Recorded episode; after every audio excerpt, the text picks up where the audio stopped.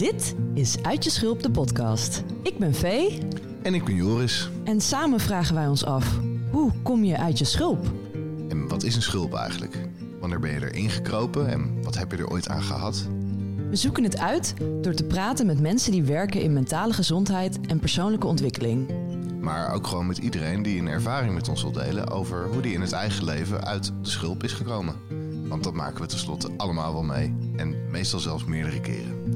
Door de verschillende verhalen en inzichten te delen, hopen we om iedereen die luistert te helpen om ook een klein beetje uit je schulp te komen. Iedereen is welkom. Want iedereen is wel eens uit zijn schulp gekropen. Pak een drankje, schuif lekker aan, laten we beginnen.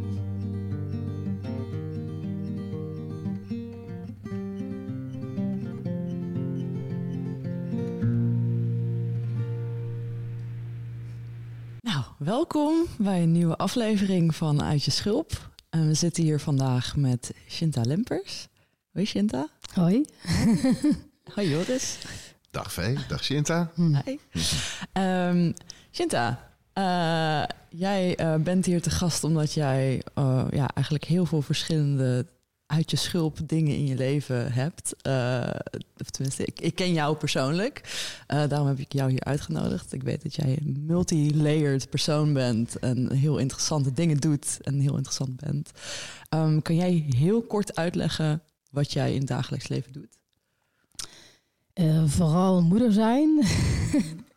Ehm, nee, ik heb twee jonge, jonge dochters en daarnaast ben ik ook ondernemer sinds drie jaar. Ik heb een CBD wellness merk ben ik aan het opzetten. En ehm, ik schrijf heel veel. Ik heb geen uitgever, ik heb ook niet echt publicaties, maar het is wel echt een rode draad. Ik ben Ja. altijd bezig met schrijven op allerlei manieren.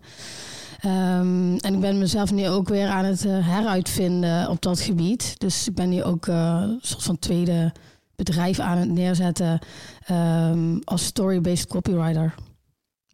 Ja, Ja. Ik, ik ken jou voornamelijk als schrijver en dan ook een beetje als dichter vaak. Ja, klopt, Ja. inderdaad. Ja, dat is wel wat ik al heel lang doe. Ja, Ja, ik klopt. denk, als ik aan jou denk, dan denk ik als, nou ja, Shinta is dichter. Oh, echt? ja, Dat heb ik ook wel bij jou eigenlijk. Ja, ja. ja, ja, zeg maar, je bent ja, heel poëet. Zeg maar, ook zelfs als je niet, niet aan dichten bent, er is een, een dichterlijke eh, sensibiliteit bij jou. Dus de manier waarop jij naar het leven kijkt en de manier waarop jij dingen verwoordt, is heel dichterlijk. Vind ik echt een heel mooi compliment. Gisteren zei iemand anders het ook tegen mij, dus ik neem het aan. Ja, neem, neem hem. Ik neem het aan. Ja, nee, dat, ehm, dat, eh, dat helpt mij. eh, ik denk dat het mijn allereerste overlevingsstrategie was eigenlijk. Mm. Dichten en eh, in, ja, in dagboeken schrijven, maar ook dichten. Ik heb Ja. onlangs gedichten teruggevonden, ook in het Engels, van toen ik nog heel jong was. En ik maakte sens, denk ik, van, eh, van mijn leven op die manier. Dus ehm, ik grijp daar ook altijd inderdaad weer op terug. Ja, ja. En het is misschien ook wel meteen mooi om daar even op in te gaan. Want eh, eh, schrijven en, en, en dichten en dan vooral ook dat dan op een publiekelijke manier doen. Want jij deelt ook je, je schrijven, je, je deelt je dicht, gedichten. En ehm, dat, dat is eigenlijk aan zich dus al een ontzettend uit je schulp iets om te doen. Dat is eh, eigenlijk mensen, ja, mensen jou echt laten zien. En eh, er is niet zo eh, gevoelig als, als je ziel laten zien door, door dichten of door schrijven. Ehm, en ja, hoe, hoe voelt dat voor je? Is dat iets wat, wat jij spannend vindt of wat makkelijk voor jou komt? En wat, voor wat geeft het jou om dus ja, jezelf te laten zien door, door je woorden en je gedichten? Ik heb er wel meer schroom eh, op gekregen eh, in de laatste jaren. Ehm, voorheen, ik denk dat het ook te maken heeft met de ontwikkeling van je hersenen op zich. Dat eh, had ik best wel veel lef en gooide ik gedichten gewoon eruit. Eh, hoewel ik toch ook altijd wel stemmen in mijn hoofd heb hoor. Van, van ook van docenten bijvoorbeeld en andere mensen die schrijven. Mm. Ehm, omdat ik denk dat er eh, vooral in de oudere schrijverswereld best wel veel afgunst is of zo. En ook bij docenten dat je toch wel vaak wordt ingeprent. Net zoals op de haken, ja, op kunstacademies. Word je toch wel wat kleiner gemaakt of zo. En dan heb ik eigenlijk bijna alleen maar complimenten gekregen. Maar toch, die ene, hè, die kritische noot van iemand, die blijf je toch de hele tijd horen. Dus, uh, maar ik, ik, ik denk dus ook door middel van bepaalde helpers in mijn leven, mm planthelpers en andere helpers, ben ik daar wel heel erg overheen gestapt en uh, ben ik op een gegeven moment uh, echt publiek, publiekelijk daarmee gegaan door een Instagram-account op te richten voor uh, mijn poëzie. Mm -hmm. um, en, en daar heb ik wel op een gegeven moment ben ik, heb ik een paar jaar echt best wel veel op gepost. Maar ik merkte zelf, um, vooral toen ik mijn eerste dochter kreeg, dat daar dat het, de thema's veranderden. Mm. Dus het ging eigenlijk uh, ook heel veel uh, over. Voor mezelf uh, was ik heel veel bezig met die kwetsbaarheid van, van moederschap. En um, ja, dat, alles wat daar eigenlijk bij speelt, speelde intern. Maar ik heb daar toch veel te weinig over um, gepubliceerd, zeg maar. Of ja. gedeeld met de buitenwereld, omdat ik, omdat ik daar gewoon heel veel oordeel in voelde. Maar ja, ik weet aan de andere kant dat ik niet een. Um... Het oordeel over de kwetsbaarheid die je voelde als jonge moeder? Nee, ik denk, ik denk daarin het oordeel over... Um, oh, er, er is weer iemand moeder geworden... en die kan, ze kan alleen nog maar over uh, moederschap delen... en over moederschap schrijven. Mm -hmm. Terwijl ik het toch heel anders zou doen dan, dan iemand anders weer. Iedereen doet het natuurlijk op zijn eigen manier. En ja. um, als ik nu terugkijk in mijn telefoon... waar ik al mijn gedichten schrijf... zie ik toch wel heel veel mooie stukken. Dus ik ga er uiteindelijk ook wel zeker weer iets mee doen. Maar er zijn natuurlijk ook heel veel momenten alweer voorbij. Momenten alweer voorbij. En die kan ik niet meer erbij pakken. Ja. ja. Want dus, de gedichten komen voort uit de beleving in het moment. Precies. Het ja. schrijven is niks meer dan luisteren naar het hier en nu. Ja. Je moet heel goed luisteren en observeren. En als je achteraf gaat schrijven, dan verval je eigenlijk altijd in clichés. Ah ja dat is ook iets wat ik nu heel weer leer, omdat ik nu ook weer uh, een cursus reisjournalistiek volg. Mm. Toen word ik er weer heel erg aan herinnerd. En het, het geldt natuurlijk voor alle schrijven, alle soorten schrijven. Um, ik kan mezelf nog best wel goed terug naar momenten brengen, als ik dat wil. Uh, maar ik zit nu ook weer in een andere fase. En daar horen weer andere kwetsbaarheden bij. En um, het, het moederschap is echt je grootste spiegel. Mm. Zo ervaar ik dat. En het, is, het, het verandert de hele tijd. Dus de spiegels die ik nu heb zijn andere spiegels dan uh, toen, uh, toen mijn dochter bijvoorbeeld één was. Ja. Het is heel anders. Dus, het verandert zo snel als kleine kinderen veranderen. Ja. Bijna per week of zo dat ze nieuwe dingen kunnen. Precies. Ik, ik heb wel ook een keer een stukje geschreven over dat. Uh, dat viel mij op.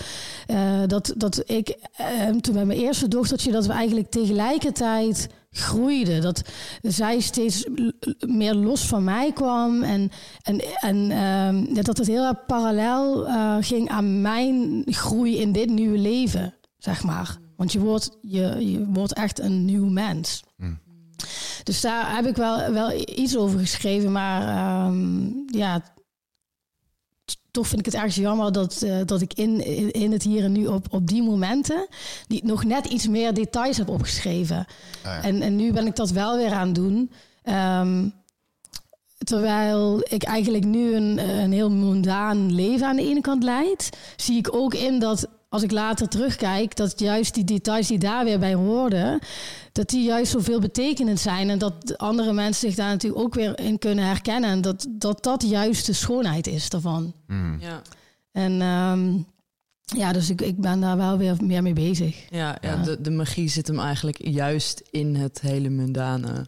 Ja, absoluut. Ja. Daar kom ik steeds weer op terug. Ja, en, ja, en daar, ik denk dat ik nu tien jaar bezig met een soort op een spiritueel pad.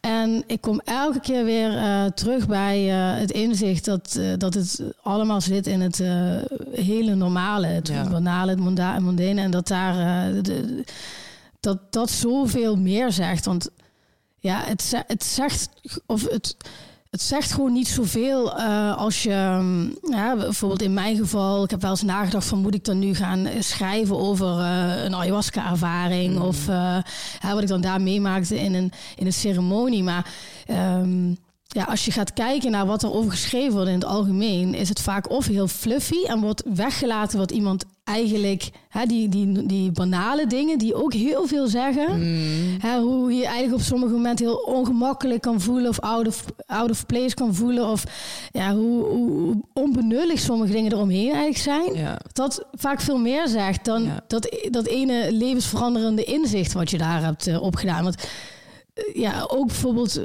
twee maanden later, wat is daar dan nog van over? En waar loop je dan tegenaan eh, in het normale leven? Dat vind ik eigenlijk veel interessanter. Mm, ja, zeker. Ja, de, de, de, eh, de, de banale, de kleine dingen, die zijn vaak toch de dingen die juist het meest imprint maken op iemand of op jou. Weet je, als je ook denkt aan van wat je bijvoorbeeld mist aan, aan als je iemand, iemand niet meer in je leven hebt, bijvoorbeeld, of weet je, als iemand overleden is of als je als een relatie uitgaat of wat dan ook.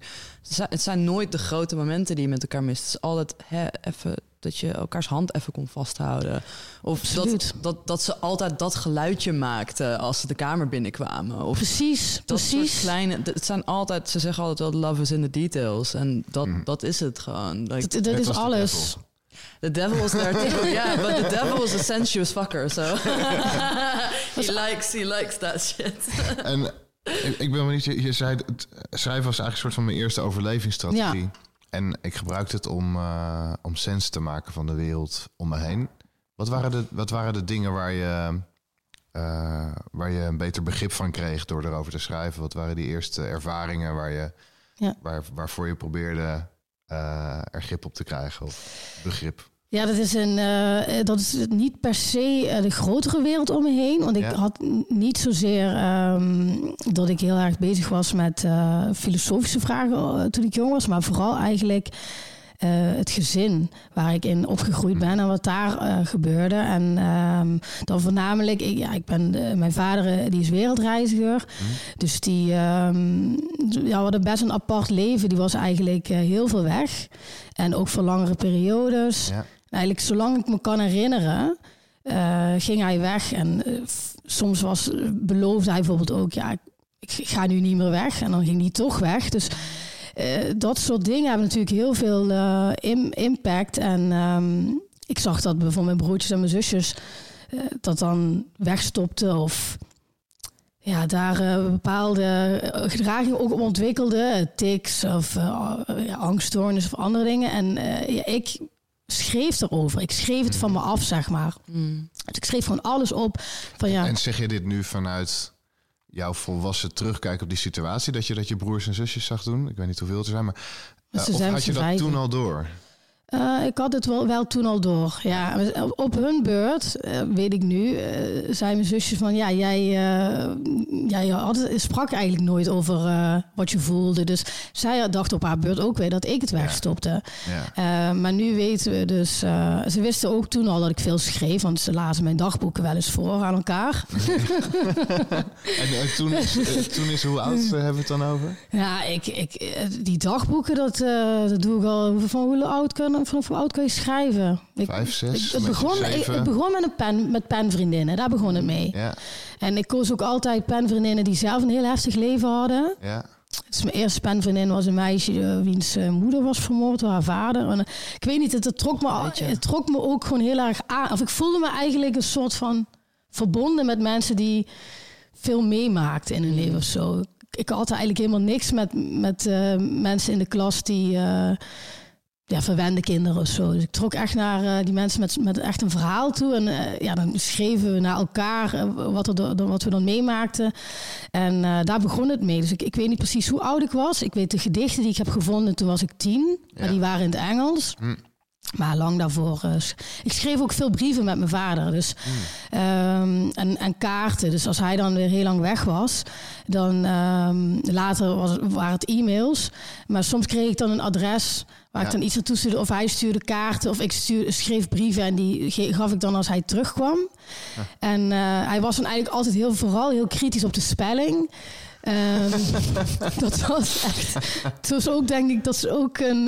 het zit er nog steeds heel diep in. Dat kan zo pijnlijk zijn. Oh, Ik Ja, echt. hard uitgestoten. En dan zo van, ja, maar ja, je grammatica, hè. ja, er zit wel een dt-fout in. Ja. Ga alsjeblieft op de inhoud in. ja. Maar om terug te komen op je vraag, ik uh, begreep daardoor veel beter um, de, de golven in mij. Ja, mijn innerlijke, uh, ja, waar ik doorheen ging. En ook, um, ik hoorde ook in, in jullie eerste aflevering, daar herkende ik me heel erg in. En die manieren eh, hoe jij je als kind jezelf beschermt. Mhm. En ik had het al, ik, ik, ik wist al wat ik, wat ik daarin uh, ging zeggen. En toen zei jij het ook, of jij geloof ik, uh, Joris. Want je had het over dat, nee, jij zei het volgens mij, dat, sorry. dat soms is het zo onveilig dat je jezelf eigenlijk zodanig wegcijfert dat je juist niet aanwezig bent. Of dat je juist mm niet je stem mag laten horen. En dat was bij mij heel erg het geval, omdat als mijn vader er was, was het eigenlijk emotioneel een hele onveilige situatie. Sowieso een onveilige situatie. Heel onvoorspelbaar. Uh, hij had heel veel borderline um, karaktertrekken, hmm. eigenlijk. Um, dus dat hield mij gewoon staande. En mijn moeder is Indonesisch, uh, immigrant, dus heel veel vanuit uh, haar cultuur en vanuit de Nederlandse cultuur, dat, dat strookte niet. Of dat ze heel veel begreep ze niet. Ja. Dus uh, ik moest het een beetje zelf doen. Ja. ja.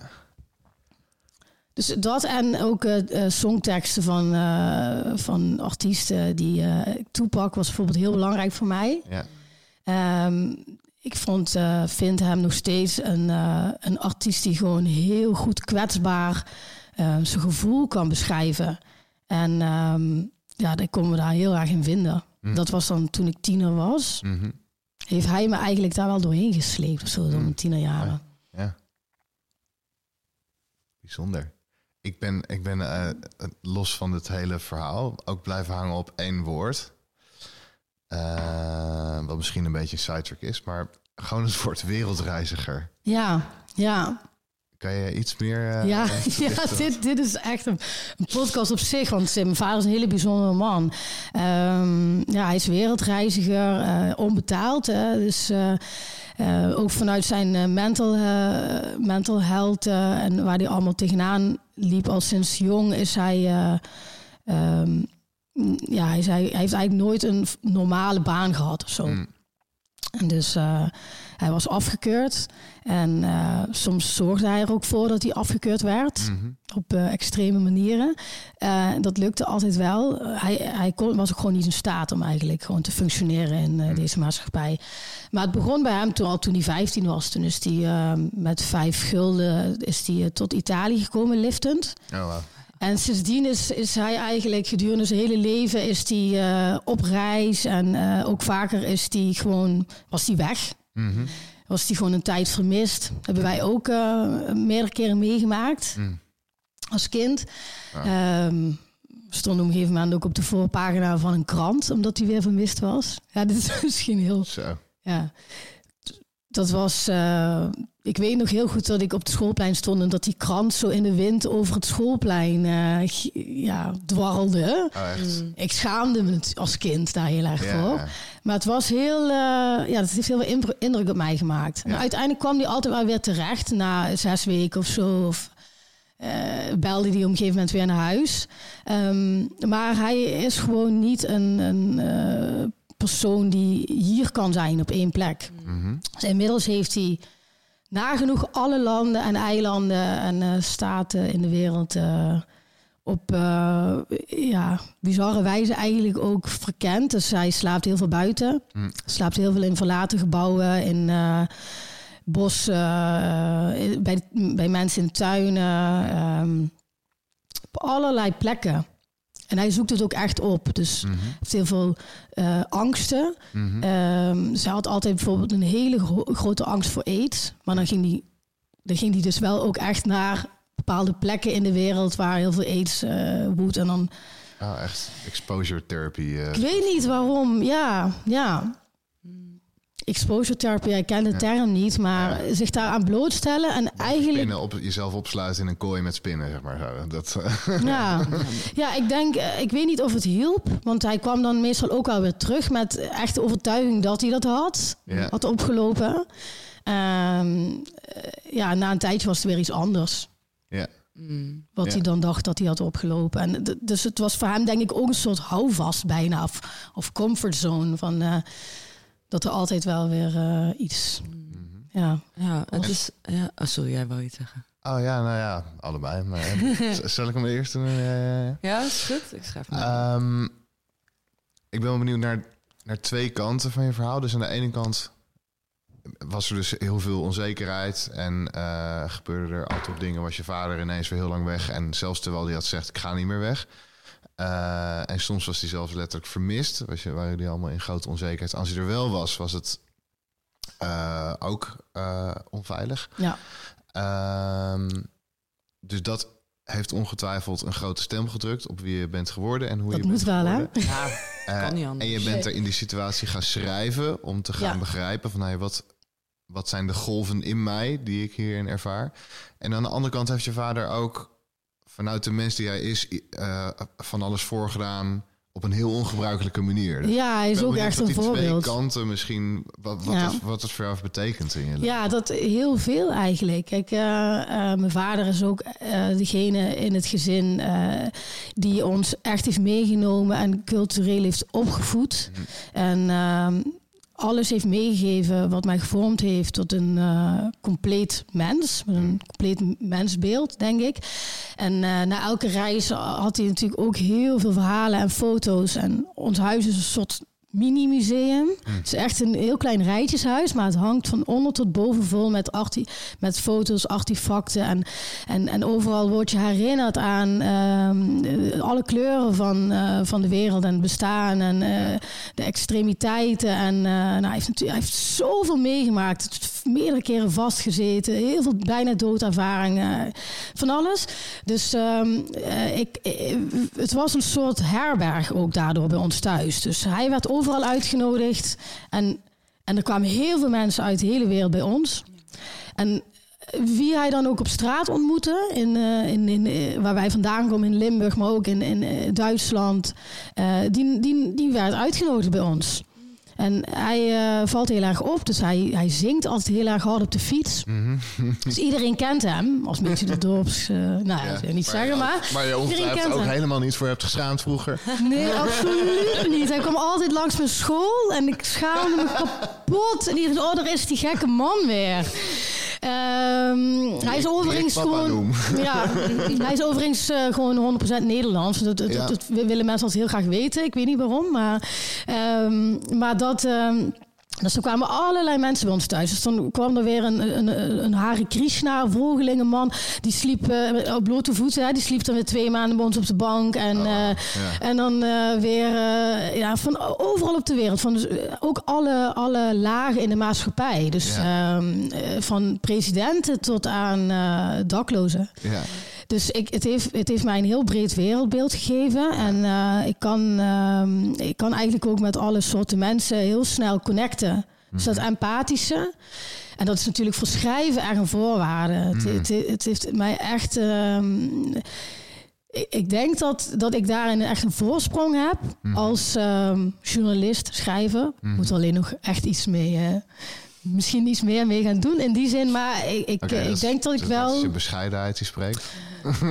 Ja, nee, maar ik zou bijvoorbeeld net als mijn vader heel graag willen reizen en schrijven. Ja, ja, ja. Dus dat heb ik natuurlijk ook van hem. ja. Ehm, maar dat echt kunnen connecten en eh, de gelijke zien in, in de ander, Mhm. dat heb ik wel echt door hem. Ehm, maar ook, kijk, we hadden niet veel en er, eh, ja, er waren veel beperkingen, maar hij zorgde er wel voor dat ik bijvoorbeeld op, eh, ja, op de middelbare, ik zat op een hele goede school, Mhm. heb allemaal ateneum of gymnasium gedaan, met vijf kinderen. Dus we hebben niet allemaal afgemaakt, ik Mhm. wel, maar het intelligentieniveau is heel hoog en ook eh, daardoor ehm, andere dingen meegegeven, zoals stijldanscursus hoort erbij. Mhm. Terwijl het eigenlijk een beetje meer hoort bij een ander soort ja. cultuur of Ja, een hogere cultuur en eh, klassieke muziek en dat soort dingen allemaal. Dat hebben we wel meegekregen. En aan de andere kant, die andere kant, wat je zegt, hè, die, die onveiligheid en dat eh, voor jezelf die, die veiligheid moeten eh, creëren. Ik had dat het schrijven. Ik zag bij mijn broer en mijn andere broertje dat dat zich dat zij een soort van OCD gingen ontwikkelen om dat te kunnen Mhm. Aan te kunnen. Bij mij is het ehm controlemechanisme geworden Mhm. en een soort reddersyndroom. Mm. Van ik moet de boel bij elkaar houden. Ik ben de oudste. Ehm, ik was ook altijd de adviseur soort van in het gezin. De, mm. de stabiele factor. En uh, mijn moeder zei altijd: ga jij maar met je vader praten, want dan wordt hij rustig. Ga jij je vader maar redden, zeg maar. Ga jij hem maar ompraten dat hij uh, geen gekke dingen doet. Uh, mm. hè, dus die verantwoordelijkheid kwam al heel vroeg bij mij te liggen. De middelaarsfunctie, soort ja. van. En, en dat heb ik altijd, ben ik altijd blijven doen. Dus ik heb nu nog steeds de neiging om ehm, mijn broers en zussen bij elkaar te houden. En uh, ja, twee weken geleden is mijn peetoom, um, peetvader en peetoom overleden. Nee, toen, sorry, toen was de crematie. En ehm, mijn vader en mijn broer hebben elkaar al heel lang niet gezien. Achter jaren, misschien vijf jaar. En toen kwam dat natuurlijk allemaal naar boven. Hmm. Toen heb ik echt best wel veel gesprekken gehad met mijn zusje. Van, dat zij ook zei van dit is nu niet jouw rol om de boel bij elkaar te houden. En uh, laat het los. Je hebt geen controle over wat er gaat gebeuren. En hmm. ja, dat vond ik heel moeilijk. Ja. Maar um, ja, dat, uh, dat was weer. Uh, wat, het, het, het, ik heb het ehm, op de dag zelf had ik enorme steken in mijn maag. Mm dus ik had het emotioneel niet los, uh, niet los kunnen laten helemaal. Um, ik deed ook de speech, waar ik dus ook wat, we het net over hadden met die details. Dat, dat ik ook degene was daar. Hè, er waren denk ik zeven mensen die iets zeiden, maar ik was degene die echt kon laten zien, die kleine dingen kon laten zien. Waardoor ik ook sprak voor al die kleinkinderen. Want dit was iemand die heel veel heeft gedaan voor ons. En voor mij eigenlijk de rol heeft vervuld van vader die ik niet die mijn vader niet kon zijn. En uh, ja, ik wilde dat ook doen als cadeau naar uh, mijn tante, omdat zij geen kinderen konden krijgen, en naar al die andere familieleden. Dus dat, was, dat ging heel goed. En uh, ik voelde daar ook heel veel dankbaarheid voor. Maar ik weet wel dat ik, ik was van de week bij de chiropractor. Mm En toen ehm, hebben we eigenlijk door middel van een soort chiropractor-technieken... Mm heeft hij naar boven gehaald dat er dus nu in mijn lichaam iets speelde wat te maken had met mijn rol als zus. En dat uh, de emotie daarbij non-emotive was. Mm uh, dus aloof zijn, uh, dus, dat niet, ja, niet emotioneel in zijn. Ja. En dat, het, dus, dat die gebeurtenis dus te maken had met iets in mijn zevende, 37 levensjaar. Nou, het was voor mij heel duidelijk wat dat was. Dus dat was deze, dit incident, of ja, die mhm. gebeurtenis. En toen hebben we daar dus op dat moment ook echt ehm, oefeningen voor gedaan. Mhm. Om dat los te kunnen laten. Op somatische, somatisch los te kunnen laten. Dus dat, dat die, die, die stress op dat moment die zich manifesteert. Bij mij manifesteert zich dat in mijn rug. Mhm. Eh, ook al sinds jong. Dus dat is de andere oh kant. Dat is hoe het zich bij mij manifesteert. Ik sla het dan allemaal op in mijn rug. En dat ben ik dus met, door, middel van chiropractie en ehm, een hele goede fysiotherapeut, ben ik dat uh, mijn lichaam aan het herprogrammeren. Mhm. Om het niet op te slaan in, die, uh, in het celgeheugen. Ja. Mm. En om het. Ja, dat en dan moet heel, dus mind was blown. Ja. ja. ja. En dan moet je dus een manier vinden om het te laten wegvloeien. Ja, klopt, klopt. Dat, en, hoe, en, en wat, is, wat is dat? Het is een mooie segue mhm. naar uh, de helpers die ik uh, in mijn leven heb gevonden om, uh, om te cope with ja, die, die, die hele diep gewortelde trauma's eigenlijk. Um, ja, een van de belangrijkste daarin is voor mij echt plantmedicijnen. Mm -hmm. En dan wat microdosing met truf, met paddenstoelen tot cannabis, dus gewoon wiet. Ja. En um, ik ben nooit een blower geweest. Mhm. Dat is het grappige Iedereen denkt dat ik elke dag een blower ben. ik heb nu denk ik al twee maanden niet, uh, mijn vape niet aangeraakt. Ik ben echt een mindful gebruiker, zeg maar. Dus ik geloof echt in de, dat we uh, er naartoe moeten. Dat we gaan naar zo klein mogelijke doseringen van alles. En daarin de sweet spot vinden voor ons persoonlijk. En hoe, want dan kan het ons helpen en dan hebben we niet de nadelen van plantmedicijnen. Mhm.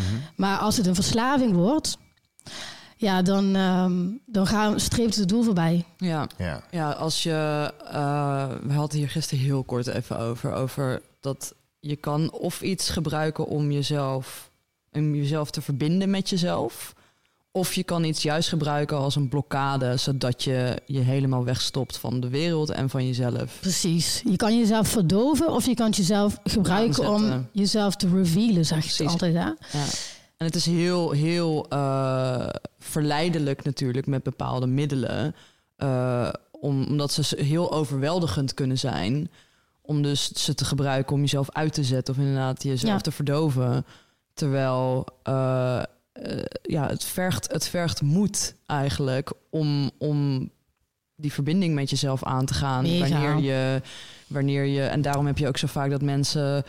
Um, dat het zo'n zo'n precaire situatie is vaak met, met weet je wel, de dosis die je neemt. Of de situatie waarin je je bevindt. De, de locatie of de mensen waarmee je bent. De dag van de Mind week. Mind en mindset. Ja, super belangrijk. Ja, ik heb heel lang, ik heb echt, mm, zeg maar, ik, ik, ik was al vanaf een redelijk jonge leeftijd gefascineerd door, door, door middelen. En um, uh, weet je, ik luisterde vroeger altijd naar, naar Pink Floyd. En, en, en die stonden natuurlijk gewoon ook bekend omdat ze heel veel uh, uh, drugs um, en dan vooral heel veel psychedelische drugs. En, en ik, ja, ik hield sowieso heel erg van de jaren 60 counterculture en dat soort dingen. En, uh, en, en dus omdat ik al van een hele jonge leeftijd daar heel veel onderzoek naar deed, uh, uh, wist ik van, oh, het is heel belangrijk dat je, je, je moed is heel belangrijk, je, je staat van zijn is heel belangrijk. En dus ik heb eigenlijk nooit paddenstoelen of, of, of LSD of zo aangeraakt Totdat ik wist van ik ben er klaar voor. En dat is dus pas sinds vorig jaar. Mm. Terwijl ik dus eigenlijk al echt vanaf, nou laten we zeggen, mijn 13 14 of zo daarmee bezig was. Wow. En ik heb dan wel andere drugs gedaan die dan compleet niet, zeg maar, die, juist de helende drugs. Dus zeg maar, ik, ik heb dan hele, zelf hele goede ervaringen met, met paddenstoelen, zeg maar. Like, voor mij, ik, ik ben, uh, ik heb heel lang medicatie gebruikt voor, voor mijn depressie en ADHD. En uh, de allereerste keer dat ik dus paddenstoelen heb gebruikt, heb ik meteen alles weggegooid. Alle wow. weggegooid. Oh, dat vind ik echt. Oh, dat, dat, trans, ja, dat, dat is echt transformatief. Dat, dat raakt mij echt. dat is echt wel, ja, waar eigenlijk waarom ik uh, mijn missie als uh, soort van uh, ja, waarom ik, ja, facilitator van cannabis eigenlijk ben gaan leven. Dat, dat, dat vind ik heel mooi. Ja. Nee, ik Hoe is dat jouw leven ingekomen? Nou ja, ik, ik ben eigenlijk tot mijn 26e heb ik ook alleen uh, die, de drugs geprobeerd die me juist verder van mezelf af uh, ja. uh, Dus Alhoewel, ik moet groot ecstasy. In, uh, ik heb nooit koken. Ik heb wel eens koken geprobeerd, maar ik heb nooit, ben nooit een kookgebruiker geweest. Maar um, ik heb wel, uh, wel eens, ja, ik heb wel MDMA uh, gedaan party en party stuff, ecstasy. En hoewel ik moet wel echt zeggen dat MDMA ook een therapeutisch effect heeft. Aan zich, inderdaad. Ja, het heeft me ook echt opengebroken. Alleen de setting was gewoon niet healing. Hè? Dus, uh, en de, de mensen met wie ik omging ook niet. Maar ik geloof nog steeds in heel erg in dat... Uh... Ja, MDMA, ketamine, dat zijn dus nu ook... Worden, wordt erkend nu ook als ontzettend... En mijn ervaringen op ketamine, die waren altijd ook op een, op, zeg maar, op een party setting en zo. Maar eigenlijk waren, was ja, zeg maar, dat waren super transformant. Ja. Vitamine is ook psychoactief. Ja. En, en dat heb ik dan dus wel gedaan uh, ja, voordat ik, de spaddo's uh, ging doen. En dat is eigenlijk altijd was dat mijn lievelingsding. Omdat het zo... Het, het gaf mij zulke inzichten en zulke mooie gevoelens. En ja, ik vind ik, eh, heb ik inderdaad eh, dezelfde ervaringen bij. Maar ik uh, was een jaar of 26 dus. En toen uh, had ik een heel groot uit mijn schuld moment. Want ik zat al uh, zeven jaar in een relatie. Ehm, ik zag mijn huidige vriend zag ik staan. En toen gebeurde er iets. Het is echt heel... dat is, ja, is heel gek, maar dat was echt zo. En toen wist ik eigenlijk op dat moment van, oh nee, hij is het voor mij. Maar ik had hem nog helemaal niet gesproken of zo verder. Ik wist het wel. En um, ja, toen is het uiteindelijk, um, hebben, ja, zijn we hebben een relatie gekregen. En um, een beetje parallel aan elkaar hadden we dat uit onze schulmoment. En wilden we ja, dat pad eigenlijk gaan uh, ontdekken. Met, uh, begon met 2CB. Omdat ik eigenlijk gewoon puur inderdaad uh, intuïtief daar van tevoren nog heel bang voor was. En er viel een soort van enorme angst van me af. Omdat ik, ik voelde me zo gesterkt toen ik uit die relatie uh, stapte. Terwijl het was geen slechte relatie, mm -hmm. maar het was ook geen goede relatie. Yeah. Weet je, dus... Uh, dus je had een keuze gemaakt, helemaal ja, voor jezelf. Ja, echt. Het was echt alsof ik op dat moment uh, een enorme rij, uh, rijkwijde erbij kreeg. Hmm. En heel veel zelfvertrouwen en heel veel ja, moed eigenlijk. Dus toen ging ik daarvoor openstaan. En specifiek cannabis um, heb ik herontdekt toen ik... Um, ik was creative... Ja, ik werkte als, bij een creative agency als soort van head of content het snelle wereldje in Amsterdam. Al die uh, allemaal wat ja, hippere merken. Uh, en ik had dan uh, best wel veel verantwoordelijkheden. En ik, ik moest heel vaak heel snel met allemaal creatieve ideeën op de proppen komen. Mm -hmm. Wat best lastig is als je veel werkt onder ho hoge druk. En in, een, in een omgeving die je niet per se heel veel creativiteit aanjaagt of zo. Mm -hmm. En ehm, ik ontdekte dat één bepaalde cannabis strain, Pineapple Haze. Die haalde ik dan in Amsterdam bij een klein koffieshopje tegenover uh, het restaurant, Kanchiel, waar ik werkte. Um, en als ik dat rookte in de avond, dan gebeurde er echt zoiets magisch elke keer. het was een sativa. Ik wist toen nog niet het verschil tussen de soorten cannabis. Je hebt sativa's en indica's. En indica's zijn echt couchlockers. Word je mhm. stoned van en een beetje apathisch. En sativa's geven je energie. Mm. Ze hadden een beetje een MDMA-effect op mij. Mhm. En um, ik, ik was dus heel energiek van en super creatief. Het was echt alsof ik allemaal nieuwe verbindingen legde. Dus dat uh, gebruikte ik om voor mijn creativiteit. En uh, stampte ik er zo een aantal nieuwe ideeën uit voor al die merken. Het ging echt heel soepel. Dus het was een beetje mijn geheime wapen. En um, ik had ook die rugpijnen. Mm. En uh, daar kwam op een gegeven moment ook nog chronische spanningshoofdpijn bij. Mm. Dat had ik nog nooit meegemaakt. En uh, ik, probeer, ik heb alles geprobeerd om daarvan af te komen. Maar pas op het moment dat ik... Cannabis hielp daarin dus wel, mm -hmm. maar het kwam altijd terug. En pas op het moment dat ik een, uh, mijn eerste echte LSD-ervaring had, mm. toen is het nooit meer teruggekomen. Mm. Het is echt nooit meer. En ik weet pas nu sinds die uh, documentaire reeks op Netflix van Michael Palin, weet ik dat er een uh, wetenschappelijke basis voor is dat LSD clusterhoofdpijn kan verhelpen. Mm. Dat was voor mij echt zo'n enorme bevestiging toen ik dat. Oh, die moet je echt zien. Van Michael Palin. Uh, change, change Your Mind. Change ah, Your Mind of How to Change Your Mind. Ja. Uh, dat is echt een aanrader. Ja. Dus uh, toen um, ben ik me open gaan stellen op plantmedicijnen. Uh, ayahuasca. Dit is dus tien jaar geleden. Nu elf jaar geleden. Mm -hmm. Ja, en vanuit daar uh, volgden er vele, vele trips. Mm -hmm. En... Um, ja, echt al heel vaak gewoon samen met, uh, met mijn vriend. Mm En soms een ceremoniële setting. Mm Maar dat was toen nog niet zoveel als nu. Ja, ja het is nu veel meer een, uh, uh, een openheid in de... Mensen zijn er veel meer open over. Meer aan, ja, het is meer aanwezig nu tegenwoordig. Ja, het is nu overal. En ik denk ook sinds die hele wave... dat het in Silicon Valley ineens veel gebruikt werd... Uh, ook microdosing. Maar dat je nu ook ziet dat heel veel mensen in, uh, die zich bezighouden met business ook echt uh, ja, het is weer de bezig zijn. Met in, in de States, toch? Dat ook. ja. En dat heeft alles voor mij aangejaagd. Van, van cannabis tot MDMA tot psychedelica. Ja, precies. Dat moet ik ook zeggen dat dat ook een hele grote. dat heeft ook heel erg beïnvloed dat ik de moed kreeg om um, daadwerkelijk een bedrijf te, op te richten in, in de cannabis sector in Nederland. Omdat ik zag wat er allemaal in Amerika gebeurde. Mm. En, en dat er heel veel, steeds meer vrouwen ook mee bezig waren. Mm. En uh, het hele feit dat ik uh, mij met mijn ehm, ja, CBD-merk op vrouwen richt, is niet vanuit. Oh, mannen zijn kut en het is nu tijd dat vrouwen opstaan. Mm. Maar het is eigenlijk omdat ik erachter kwam dat um, wij overal in ons lijf receptoren bevatten voor die plant, voor cannabis. En wij vrouwen vooral dus heel veel in onze voorplantingsorganen.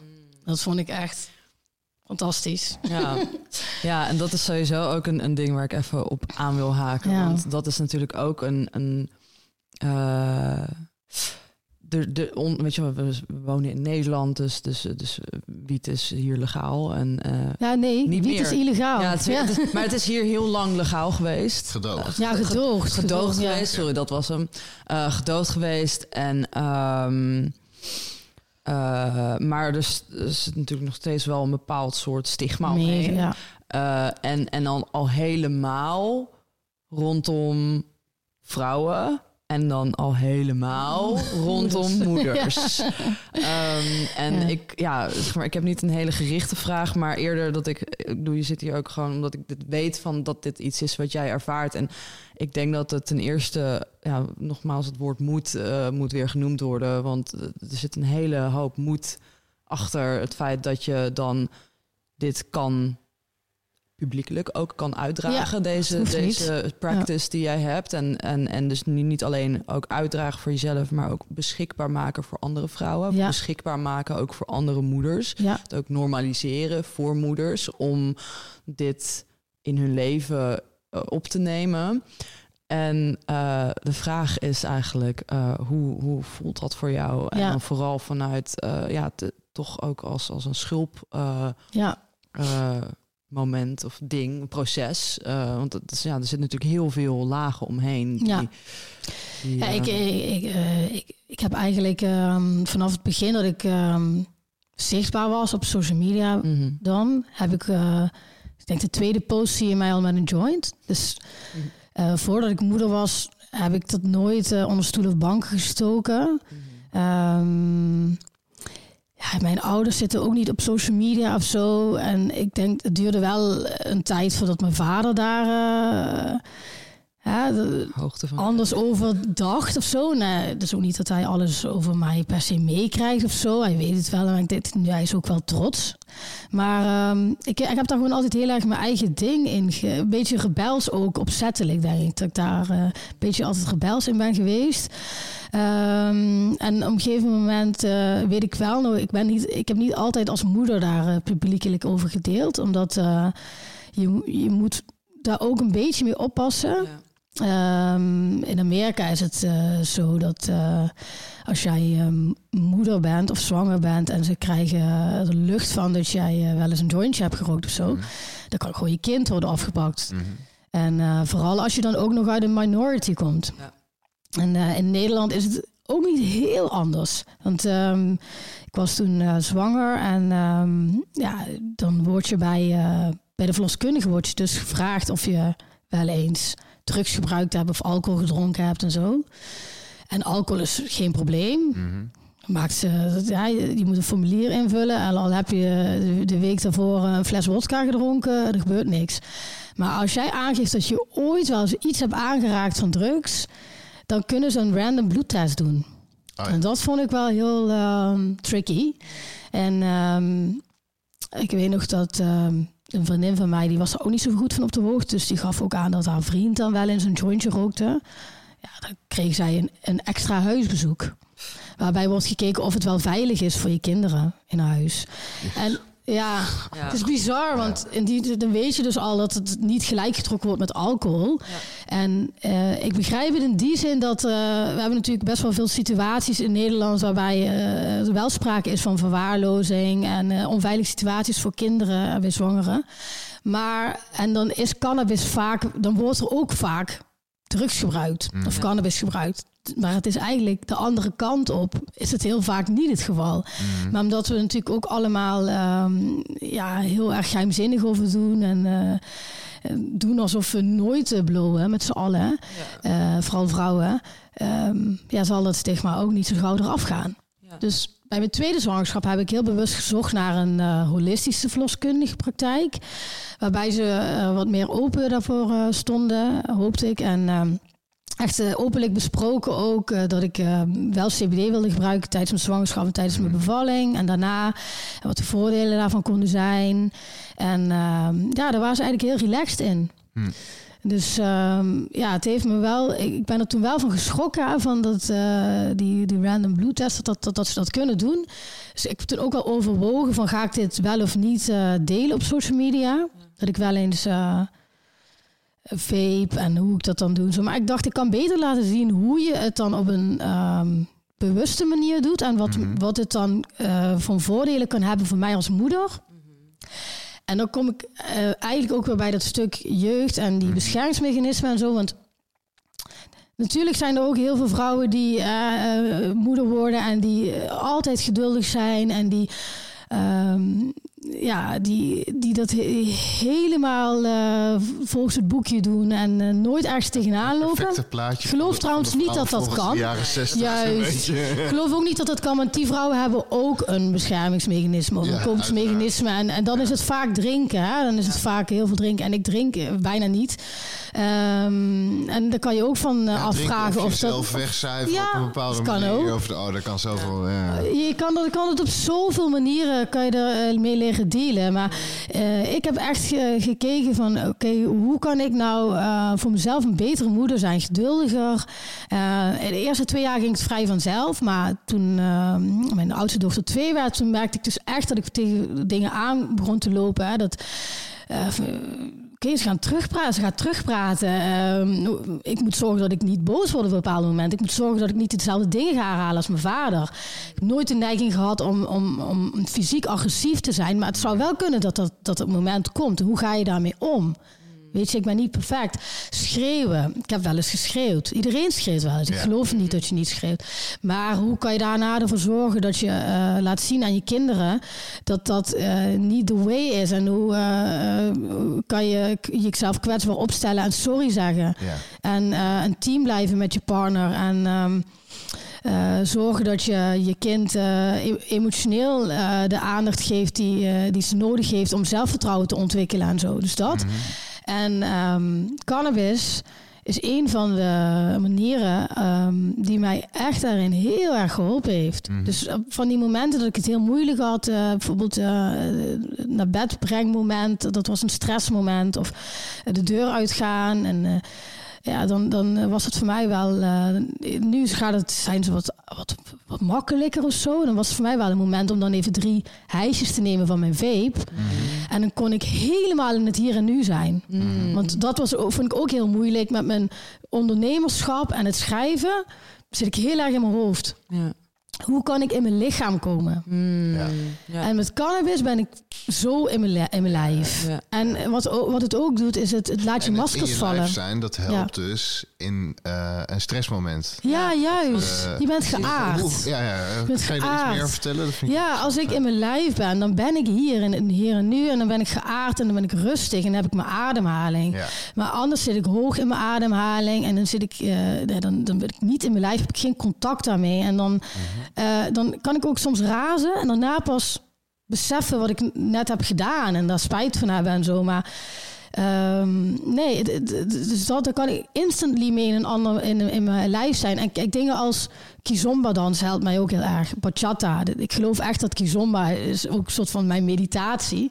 Maar dat eh, vergt soms wel meer oefening. Mm. En er is niet altijd tijd voor. En eh, sporten vind ik ook een hele, hele belangrijke. Ja. Maar ik heb in die vier jaar tijd dat ik moeder ben... echt niet zoveel kunnen sporten als eh, daarvoor. Mm. En, eh, dus ja, ik, ik, ja, voor, Mij, voor mij helpt het heel erg om een betere moeder te zijn. Ja, en dat is uiteindelijk ook de, het meest belangrijke wat je als ouder kan doen.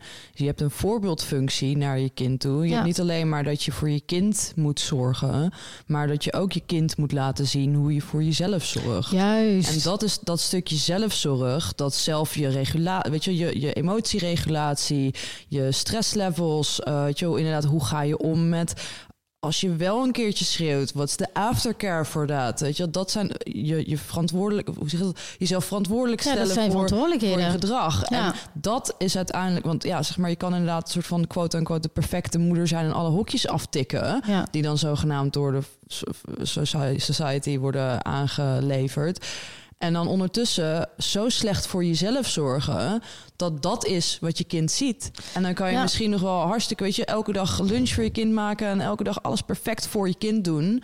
En dan alsnog super slecht voor jezelf zorgen, jezelf helemaal verwaarlozen of juist jezelf helemaal laten gaan in, in, in weet je, je eigen Of emotieregulatie overcompenseren voor je kind. overcompenseren of weet ik veel.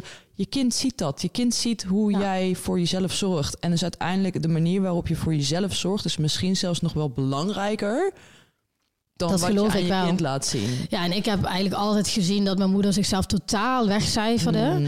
En dat werd altijd als een positief punt benoemd door Ja. mijn vader. Ja, nee, maar Ja, ook jouw door de maatschappij. Ook, ook door de Oh, maatschappij, je maar het werd altijd herhaald. Je moeder heeft zich altijd weggecijferd. Je moeder cijfert zich opgegeven voor jullie.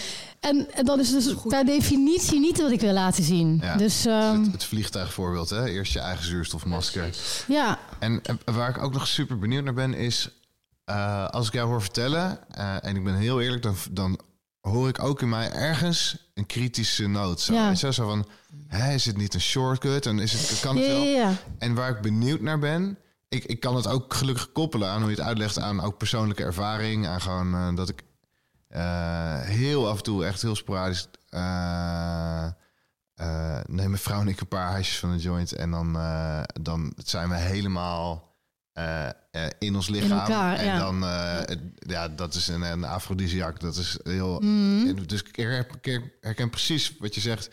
In de zin van die lichamelijkheid. En dan kan al het, al het andere wat er is in de wereld eigenlijk verdwijnen. Behalve dan datgene waar je mee bezig wil zijn. ja. Eh, en toch is er ook die kritische noot ergens van... Nou, ik ben aan het zoeken van... Ah ja, hoe kan ik... Shortcut. Ja. Hoe kan ik... Ja, shortcut. Ja. En ehm, waar ik benieuwd naar ben... is hoe is jouw eigen mening in de afgelopen vier jaar... of misschien wel langer dan dat... eh, hoe, hoe is die ontwikkeld? En hoe heb jij deze stemmen zelf gehoord? Ja. En hoe, je er, hoe denk je er ondertussen ja, over? Een heel goede vraag. Eh, want ik ben ook wel wat rigoureuzer geweest in mijn spirituele pad. Dat eh, ik echt vond dat het echt alleen mediteren uiteindelijk het pad eh, was. Ja, Dus, ja, dus vooral naar mijn vipassana's. Ik, dat is dat je tien dagen lang eigenlijk in een soort van... ja, niet in een klooster, eh, maar wel ja, dat gewoon tien dagen lang ben je tien uur per dag aan het mediteren. En er is, je mag niet communiceren, ook niet elkaar andere mensen aankijken. Je mag niet schrijven, je mag eigenlijk vrijwel niks. Ehm, eh, en eerder in, eh, in die tien jaar heb ik ook momenten gehad dat ik echt van overtuigd was dat het, het, het veel puurder moest zijn, dat pad. En dat het inderdaad shortcuts zijn. Mhm. Het zijn allies, zeg ik altijd, Mm. plantmedicijnen. Het zijn natuurlijk op het moment eh, zelf zijn het wel shortcuts. Mhm. En eh, als jij alle tijd hebt om eh, die gewoonte vast te houden van twee uur per dag mediteren, Mhm. dan kom je er zeker, natuurlijk kom je er ook. Ja, ja. En ik geloof, ik geloof ook dat uiteindelijk dat iedereen zijn eigen pad daarin heeft. Mm. En, ehm, maar voor mij in deze levensfase is het niet te doen. Mhm. Ten eerste om, eh, om, eh, om het. ehm, om, om dat pad, zeg maar bijvoorbeeld het Vipassana pad, volledig te, te, te, te volgen. Ja. Ehm, maar daarnaast is er ook niks mis met die shortcuts als, je- als je het holistisch bekijkt. Ik, Ja. Er is een boek dat eh, heet Cannabis and Spirituality. Ja. Dat heeft me daarin ook wel mijn mening weer bijgesteld daarover. Mhm. Of ook wel weer heel veel eh, deuren geopend. Ja. Eh, En wat is het wat je daarin las waardoor je milder kon zijn naar jezelf? Ik denk de, hoe de, het over de, door de eh, eeuwen heen en door verschillende bevolkingsgroepen gebruikt is Ja. in hun spirituele eh, routine, zeg maar. Mhm. In hun in, onderdeel is eigenlijk van de spirituele traditie. En Ja. tweede, je hoeft het niet altijd te gebruiken Mhm. in de vorm van een joint. Ja. Cannabis is de hele plant. Dus cannabis ja. is ook CBD, wat niet psychoactief is. Eh, je kan ook cannabis thee drinken. Dan wordt het weer verwerkt door je eh, lever. En dan heeft het ook een heel ander effect. Ja. Het gaat erom dat die cannabis dan, eh, als je het op verschillende manieren gebruikt, verschillende ehm, f- eh, ja, effecten heeft. Ja. Dus als je het als CBD gebruikt of als thee, dan triggert het jouw eigen cockpit. Ja. Eigenlijk, dus als je, je, li- je lichaam een, een, een vliegtuig is, dan hebben we een bepaald systeem. Dat is je endocannabinoïde systeem. En dat is eigenlijk de cockpit, waar alles wordt gereguleerd en waar alles wordt aangestuurd. En die moet in balans blijven. En ehm, soms heb je daar wat bijsturing voor nodig. Ja. En die, dat Ja. kan dan helpen. Ja. Dus ook kan het helpen om je eh, meditatiepractice te verdiepen Ja, en ja. dat beter uit te voeren. Ja, ja, daar wil ik eigenlijk ook nog wel even op in, inhaken. Want, ehm, nou, wat ik zei, ik heb zelf eh, eh, medicatie gehad voor ADHD en depressie. En eh, dat is ook een hulpmiddel. En dat is ook, zeg maar, een, een, iets wat ik heb daar zelf heel lang, hoe zeg je dat, tegenaan gelopen. Van ja, maar ik heb een verslaafde persoonlijkheid. Dus waarom zou ik dan nog medicatie gaan gebruiken? Iets waar ik dan ook verslaafd aan. En dat moet, dan moet ik dat dan de rest van mijn leven gaan nemen, mm et cetera. En hoe dat toen uiteindelijk aan mij is uitgelegd, waardoor ik het heb kunnen doen. En dus ook uh, ja, succesvol voor mijn gevoel heb kunnen doen. Dus dat werd gezegd van ja, luister, jij hebt uh, een, een, een ruggensteuntje nodig. Je hebt een klein opstapstukje nodig.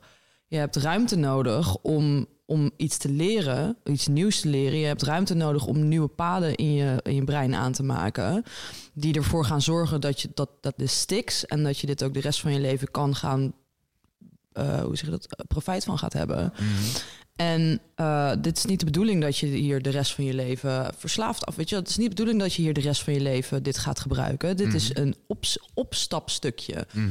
Ja. En zo zie ik dus ook bepaalde ja, planten, weet je, allies en dat soort dingen. Ja, it might be not just a shortcut. It might just be a little opstap, opstapstukje. Ja. Ik ken ook mensen die inderdaad um, uh, dan in hun meditatiepraktijk gewoon echt super goed. Weet je, die hebben geen pallo's nodig. Die kunnen Ja. dat gewoon echt helemaal dat, dat super. uh, ja, die kunnen dat gewoon zelf aanzetten door hun meditatie.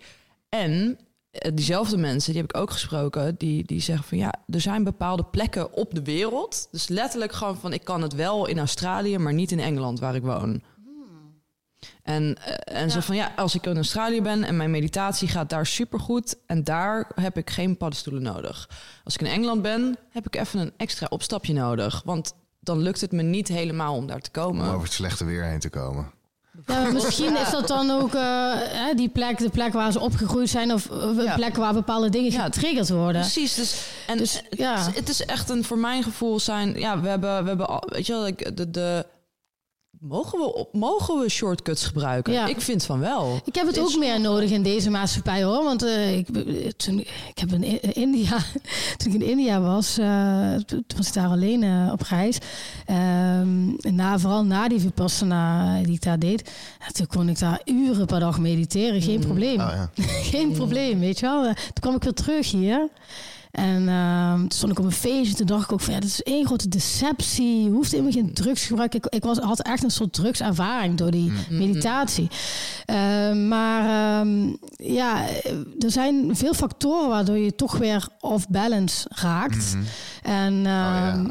Ja, je kan. Weet je, en ook met al die trauma's en dingen die je hebt meegemaakt, eh, staat niet iedereen, begint niet iedereen bij nul, Mhm. zeg maar. Of bij, bij plus 10, weet je. Dus ik, ik eh, heb daar wel zelf iets meer bij nodig. En ook ehm, als ik kijk naar microdosing, Mhm. ehm, dat heeft dan geen psychoactief effect. Mhm. Maar ik heb wel gemerkt, ik heb dat ook echt bijgehouden en over gerapporteerd, zeg maar, dat het bij mij triggerde, of bij mij eh, het effect had dat ik beter bij mijn gevoelens kon.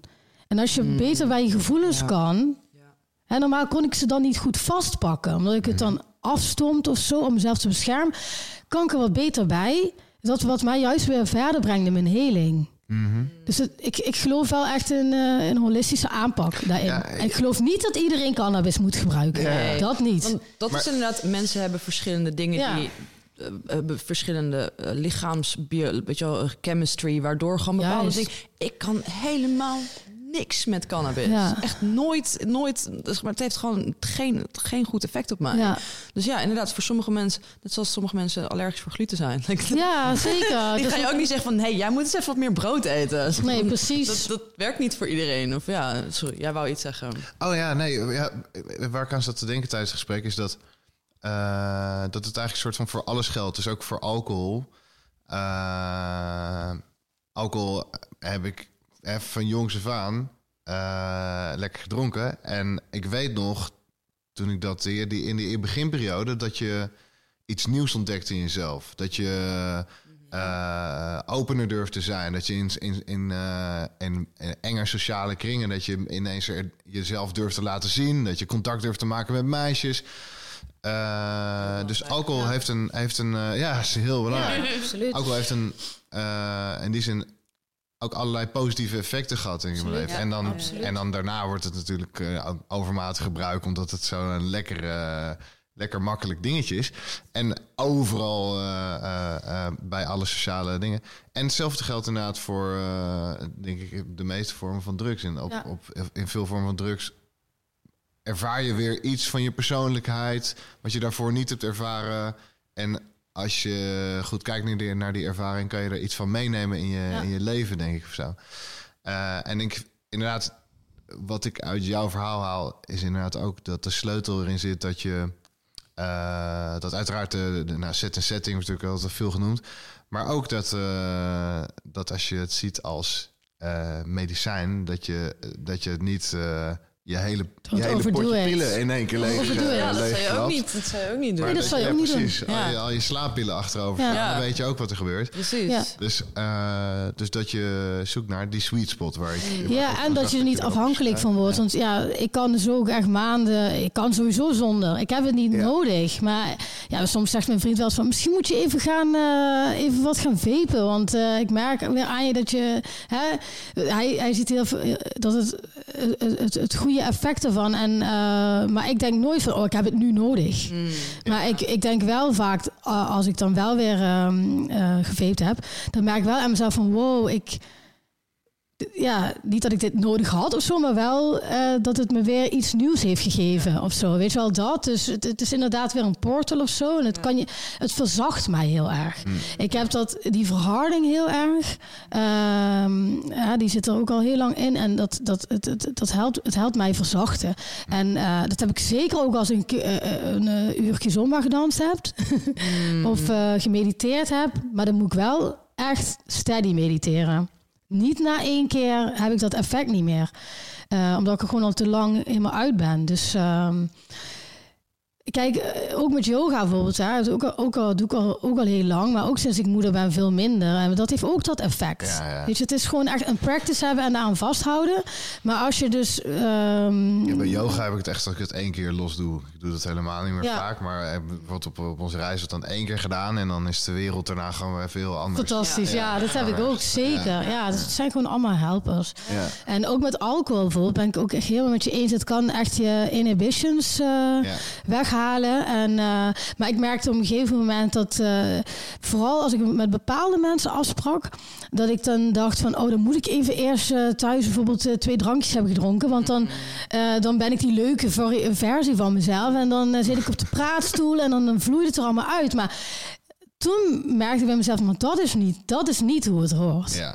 Ik moet dan dingen gaan, uh, gaan, gaan doen uh, om ervoor te zorgen dat ik, dat ik dat zelfvertrouwen vanuit mezelf heb. En daar, uh, hè, dat, of het zijn niet mijn mensen. Ja, want dat Ja. is natuurlijk ook zo'n zo'n zo'n ding. Net zoals dat we dan bijvoorbeeld bepaalde middelen opzoeken. Ehm, eh, omdat we, omdat we weet je wel, in een bepaalde situatie willen kunnen passen. Terwijl eigenlijk misschien de situatie helemaal niet bij ons past. Ja. Ja. En dus en ook de, het de stress het van je kinderen, ja, dat heb je gewoon te verduren. Maar inderdaad, wie je sociaal opzoekt, daar, Ja. eh, daar heb je keuzes in te maken. Ja, Precies. precies. Ja. En, hoe je, en hoe je daarin mag zijn. ja. Ik weet ook nog eens een keer dat ik op de fiets zat naar een, eh, naar een vriend toe. En dat ik, dat ik merkte dat ik op de fiets alweer in een rolletje schoot. Zo van, oh ja, ik ga... ik- Bij, bij Diepzon ga ik altijd dan die drukke, leuke, eh, eh, clowneske figuur en zo. Toen dacht ik, hey, wat zou er eigenlijk gebeuren als ik gewoon nu, beslu nu besluit om dat niet te doen? En dat je dan Mm. Ja. een heel Ja. andere staat Precies. is gaan zijn dat er dan de hele ervaring ook verandert. En dan inderdaad ook bij die andere rol past er dan ook meer, meer drank bijvoorbeeld. Ja. Een andere rol. Ja, absoluut. Ja. Kan, Mm. dat is heel herkenbaar. Ja.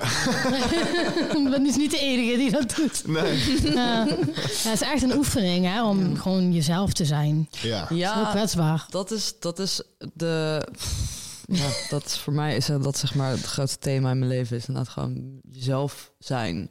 En, en dat is ook een van de dingen die je, die je leert als je met middelen, zeg maar, met middelen omgaan, is ook wie, wie ben ik? Ehm, wie ben ik als ik dit heb gebruikt? Wie ben ik als ik dat heb gebruikt? Ja. En dan leer je eigenlijk dus ook jezelf in allemaal verschillende contexten kennen. Ja. En ik denk dat, zeg maar, er, er valt echt wel iets te zeggen over mensen die, weet je, die hun hele leven nooit iets aanraken. Dat is, eh, er is niks mis mee en dat, is, eh, weet je, dat kan hartstikke goed zijn. En ik denk ook dat er iets valt te zeggen voor mensen die dus wel experimenteren, die dus wel eh, verschillende, zichzelf in verschillende contexten hebben geplaatst. En er wat het voor mij in elk geval heeft gegeven, is dat ik een rijker beeld van mezelf heb. Omdat ik mezelf in verschillende contexten heb meegemaakt. En uh, dat, dat, ja, zeg maar net zoals dat je, als je veel reist, dat je dan veel verschillende mensen ziet. Uh, als jij mentaal veel reist, dan maak je ook jezelf meer mee. Mooi. Plekken mee. dus, ja. Uh, hoe, welke categorie val jij dan? Nee, je bent niet straight edge, dat uh, hoor ik al. nee, verre van. Ja. Nee, nee, ik, uh, ik heb uh, het grootste gedeelte van mijn leven zoveel mogelijk gedaan om uh, alle mogelijkheden aan te grijpen om, om niet nuchter te zijn. ja. Dat is zo'n mooie spanningsboog in deze zin. ja, dat is lekker. Hè? Ik was even aan het zoeken. om niet nuchter ja, te zijn. Ik ben, uh, ik, ben jong, ik ben jong begonnen met uh, heel fanatiek blowen. en ik zat toen ook gewoon echt niet lekker thuis. ruzie, eigenlijk was ik heel verdrietig over over mijn moeder die heel jong was overleden, maar mm. dat wist niet. En er was een nieuwe vrouw in huis en een nieuw kindje. En, oh. uh, en uh, allemaal hele lieve mensen, maar op dat moment uh, ja, kon, kon ik dat niet zien. En was er wiet Tuurlijk. en was er stoere, stoere omgeving waarin, waarin je dat kon doen. En ja, het was gewoon de perfecte vlucht of zo. En uh, dat heb ik wel een aantal jaar, weet ik veel, zo'n vijf jaar of zo, denk ik zo, echt wel dagelijks gedaan. En uh, in het weekend was er dan meestal ook drank. En uh, blow was ik op een gegeven moment gewoon klaar mee. En daar was ik al een tijdje klaar mee. Maar op een gegeven moment toen, ik denk op mijn 19 of zo, toen ging ik op vakantie. Een keer toen dacht ja, en dan stop ik ook gewoon. En ik, ik heb er gewoon geen zin meer in eigenlijk. Uh, maar drinken is wel gebleven. En dat is ook gewoon een. Ja, oh man, ik heb echt veel gedronken in mijn leven. Ja. En. Uh, ja, dat ook een vlucht, zeg maar. Ja, zeker, zeker, ja. Uh, en die voel ik nog steeds heel sterker. Ik ben eigenlijk pas. af en toe zeg ik een maand, nou, dan stop even met drinken. En dan merk ik van, ah, dat is lekker. en dan gaat het, begint het toch weer zo'n beetje. en ik heb dan nu wat langere tijd dat ik niet heb gedronken en uh, eigenlijk de beslissing heb genomen. De, mijn relatie met alcohol die, die uh, gaat permanent veranderen. Uh, en dat is, dat is ook zo. Ik voel nog heel sterk. Ik, ik voel zo duidelijk wanneer dat verlangen zich aandient van, oh, nu kan je lekker een drankje nemen. Gistermiddag bijvoorbeeld oh, ook. Ja? Dan hebben we, hebben, ah, ik weet niet eens meer wat, hebben we een lekkere dag gewerkt zo en ik van, bam, en dan voel ik, dan voel ik dat die lichamelijk oh, ja. gewoon voel ik dat. Wow. En ja, um, uh, sorry dat ik uh, mee, maar um, ja, dus het is nu, ja, ik, ik, ben nu 41 en ik denk van, kom op man, het is echt wel, uh, het is echt wel leuk geweest, weet je wel. Uh, en het is ook heel leuk geweest, maar ook heel, heel erg niet leuk. Gewoon echt gewoon schandalig niet leuk. Gewoon ongelooflijk uh, misleidend. En, uh, ja. oh, en zoveel schaamte ook gewoon. Zoveel dingen die er gebeuren die uh, als je drinkt, die waarvan Bizar, je altijd weer denkt van, oh jezus, wat de fuck, joh, waarom? Wat laat ik van mezelf zien? Wat wordt er wakker in mezelf als ik doe? En aan de andere kant ook weer heel diepe connecties, weet je wel. Dus het is een, ja. het is een heel warrig, uh, warrig speelveld. Maar Um, uh, in ieder geval, dat is nu een, uh, een proces waar ik. Uh, wow. waar ik Ergens vind ik het ja. fijn ook dat we in een land leven waar het, tenminste voor mij, al heel veilig voelde om inderdaad al die schaamtevolle dingen te, ja, te mogen maken. En ja. zo, um, als ik mezelf terug zou zien in de fase dat ik inderdaad meer dronk, ja, schaam ik me ook dood. Mm. Maar dat ergens was het ook nodig of zo, mm-hmm. denk ik soms. En het is maar goed dat het kan. Ja, ja het is inderdaad die, de, de schaamte. Uh, daar, daar, dat, dat trok ik dus ook echt het slechtst. En ik, ik, uh, ik, ik ben nu bijna een jaar gestopt met drinken. Dus ik drink sinds mei, 22 mei 2022, drink ik niet meer. um, en zeg maar, ja, inderdaad, de alcoholcultuur in Nederland is heel, heel anders dan bijvoorbeeld in Engeland. En ik heb in beide landen gewoond. En ik heb in Engeland geleerd om te drinken. Dus ik ben klassiek getraind. in binge drinken. Uh, daar ben ik heel, heel goed in. Ehm, en de cultuur is inderdaad heel anders ook met, zeg maar, ja, ik merk dat in Nederland dat er dan toch altijd nog meer die soort van sociale uh, judgment zit rondom als je dronken was bijvoorbeeld. En mm. ik, was, ik had dus wat meteen dronken, zeg maar. Ik kan dan één glas van iets drinken en dan was ik eigenlijk al dronken. En dat was dan de rest van mijn avond. Was dat... Precies. Gotta love those Asian uh, en het was ook altijd eigenlijk altijd mijn doel van drinken was altijd om dronken te, mm. te zijn eigenlijk. Dus zeg maar, ik kon niet, ja, zeg maar aangeschoten en dronken was voor mij hetzelfde. Um, en, en zeg maar, ik had dan ook wel verschillende gradaties in hoe dronken ik dan kon zijn. Want zeg maar, ik had af en toe dat ik dan gewoon ook echt ja, niet meer functioneerde. En soms dat ik dan nog steeds heel goed functioneerde, maar dan ontzettend naar mijn zin had. Quote, ja, ja. quote, quote, quote uh, tussen hele grote aanhalingstekens. Ehm, en ik merkte bijvoorbeeld dat in Nederland dat het voor mij moeilijker was om ik voelde meer schaamte in Nederland vaak rondom mijn gedrag. Dus dat ik dan de volgende dag echt soort van op de, de excuses tour ging. Van ik kan me hier niet meer laten zien. Ik kan deze mensen nooit meer spreken. Ik heb, ik heb uh, uh, je, het, het, ja, het, het paniekuurtje van oh, wat heb ik gedaan? en dan van, oh ja, en ik came really fucking tired ook van, oh, ja, like, ja. vermoeiend. En toen ging ik dus naar, toen ben ik dus weer terug naar Engeland verhuisd en daar is dus de, de, de drinkcultuur is heel anders. Je praat zeg maar, te, te, sowieso de, de mentale cultuur is daar heel anders. Want je praat niet over gevoelens. Je praat zeker ook niet over like, wat er gisteravond is gebeurd. Uh, tenzij het echt heel juicy is. Maar uh, omdat dus daar sowieso de drankcultuur heel anders is. En dus binge drinken is very normal. Uh, je gaat eigenlijk gewoon ja, door de week ook drinken is veel meer normaal. Uh, je drinkt daar sowieso een pint, weet je. Dat is sowieso een hele ja. andere soort van unit van, van drank. En um, dronken zijn is ook normaler. Mensen zijn daar ook soort van min, je hebt daar veel minder, dus dat daar echt soort van neergekeken wordt op als je dronken bent geweest. Van ja, waren we dat niet allemaal? Waren niet allemaal dronken gisteren? en, en zeg maar, dus ja, dus zeg maar, het was veel makkelijker voor mij om dus mijn dysfunctionele gedrag uh, uh, onder, de, onder de stoel te schuiven. En dus eigenlijk gewoon een soort van dat ik wegkwam met veel meer dingen. Mm. En dus ook dat het veel makkelijker voor mij was om dus in dat hele dysfunctionele drankpatroon te vallen. Van ik was vijf, zeg maar, in Nederland was ik op een gegeven moment uh, had, dat ik dit misschien één of twee dagen in de week dronk. Op een gegeven moment. Zeg maar ik heb ook dat ik gewoon de hele week dronk en gewoon veel dronk ook en zo. Ik heb een hele dysfunctionele relatie met, met alcohol gehad. En, maar dus voordat ik naar Engeland ging, dus mijn, mijn, mijn destijds mijn vriend en ik, uh, wij, wij dronken eigenlijk alleen maar. Hij was echt een sociaal drinker, dus hij dronk alleen maar als hij. Weet je wel, als hij uitging of als hij vrienden zag of wat dan ook. En dan heel misschien af en toe een keertje, je, als we dan met z'n twee uit eten waren of, of, of dan thuis, weet je wel. Maar echt bijna nooit thuis. Eigenlijk altijd, altijd met, met alleen als we bezoek hadden thuis of zo. En dus wij dronken eigenlijk alleen nog maar in het weekend. Of tenminste, ja, op een gegeven moment toen ben ik dus ook alleen nog maar in het weekend met hem. Dus terwijl ik had dus daarvoor dat ik dan omdat ik dronk als ik schreef, ik dronk als ik ah. me kut voelde. Ik, weet je, dus ik had dat ik gewoon soms gewoon echt ja, een fles wijn in mijn eentje op een dinsdagavond kon, uh, kon opdrinken. Um, en toen ik dus terug naar Engeland ging, wat natuurlijk in een hele turbulente tijd was, omdat ik toen ook net die relatie ging net uit. En, en eh, ja, dus je, valt in een soort van zwart gat van wie ben ik eigenlijk en wat doe ik ook weer hier op aarde, bla bla. En uh, dus ik ben toen ineens uh, weer meer gaan drinken. Dus zeg maar van eigenlijk één of twee dagen in de week, een paar wijntjes, ben ik van naar vijf dagen in de week vijf glazen gin en tonic.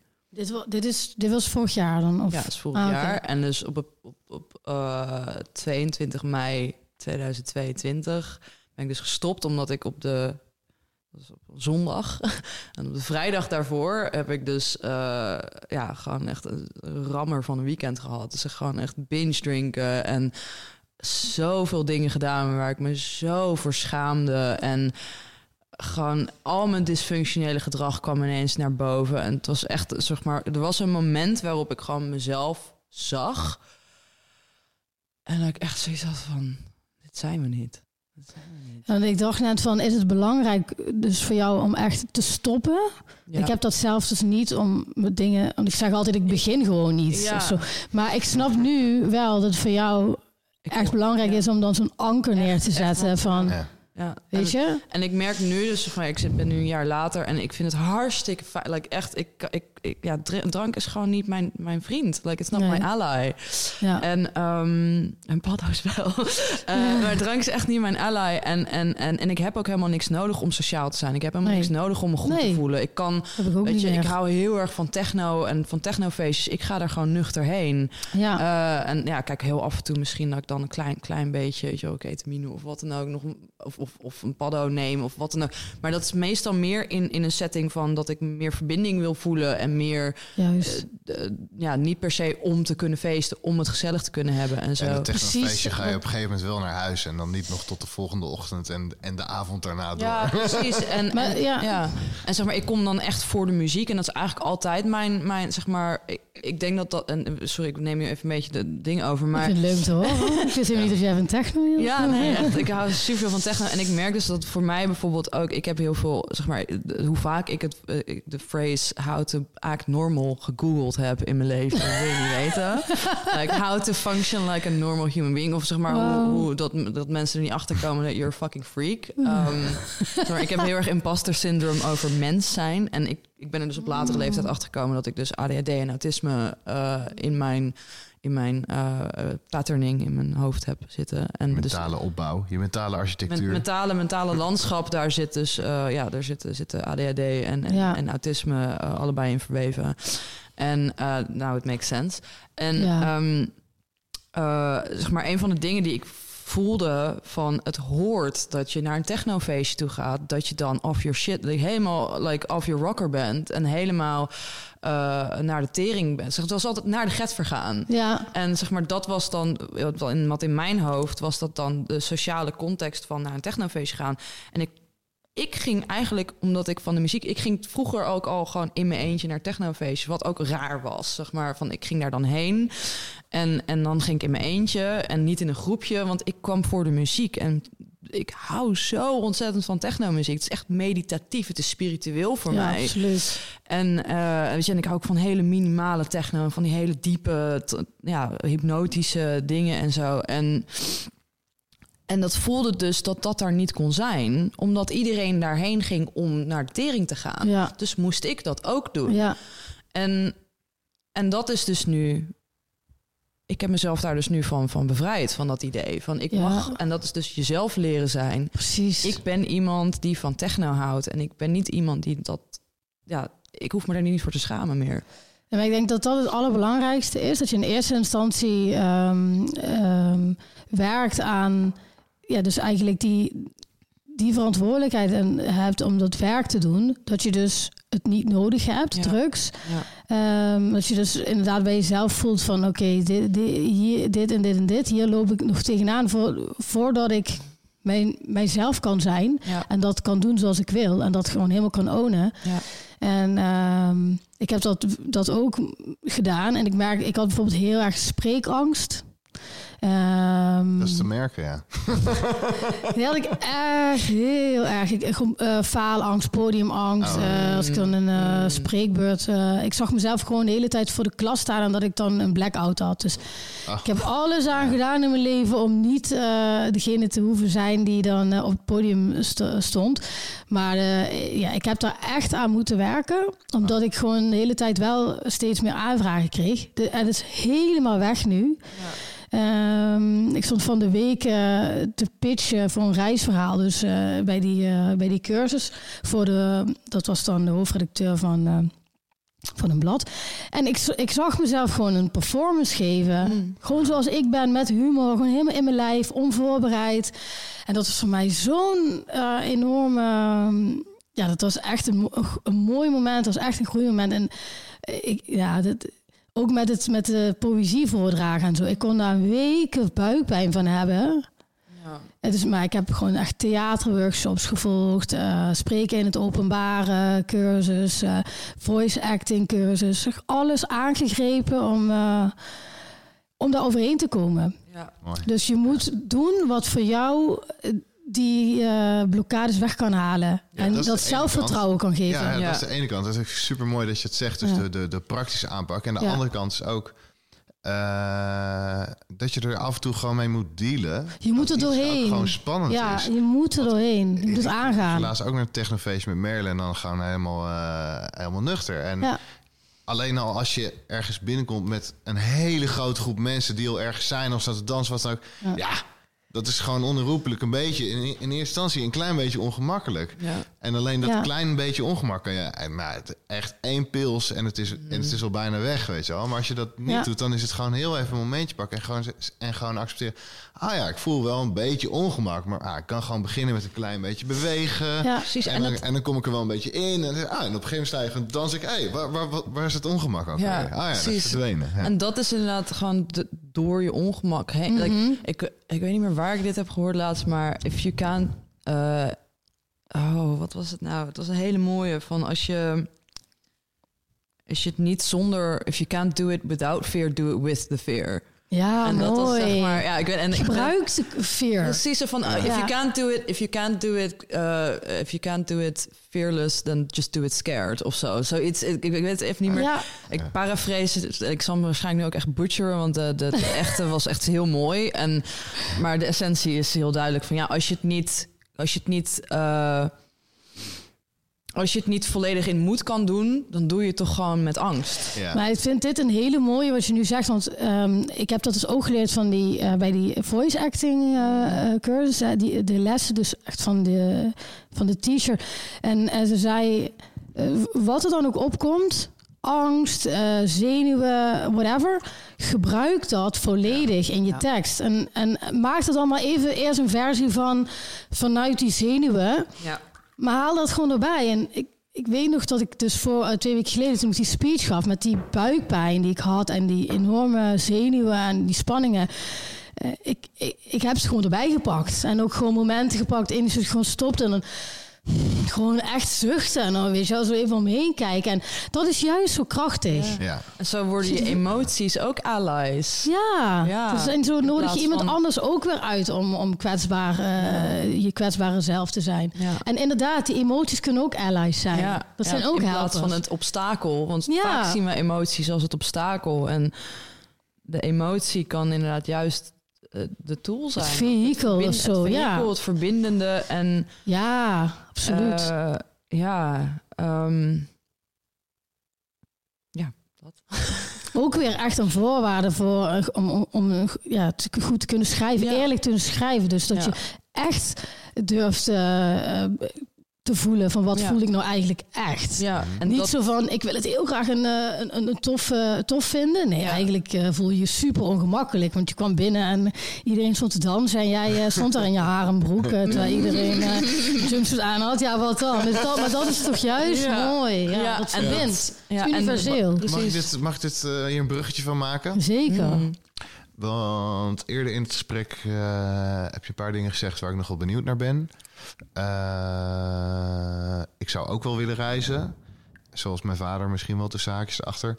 En eh, ik vind dat ik misschien nog wel meer moet laten zien van het schrijven. En je was met een nieuw bedrijf bezig, met eh, story-based copywriting.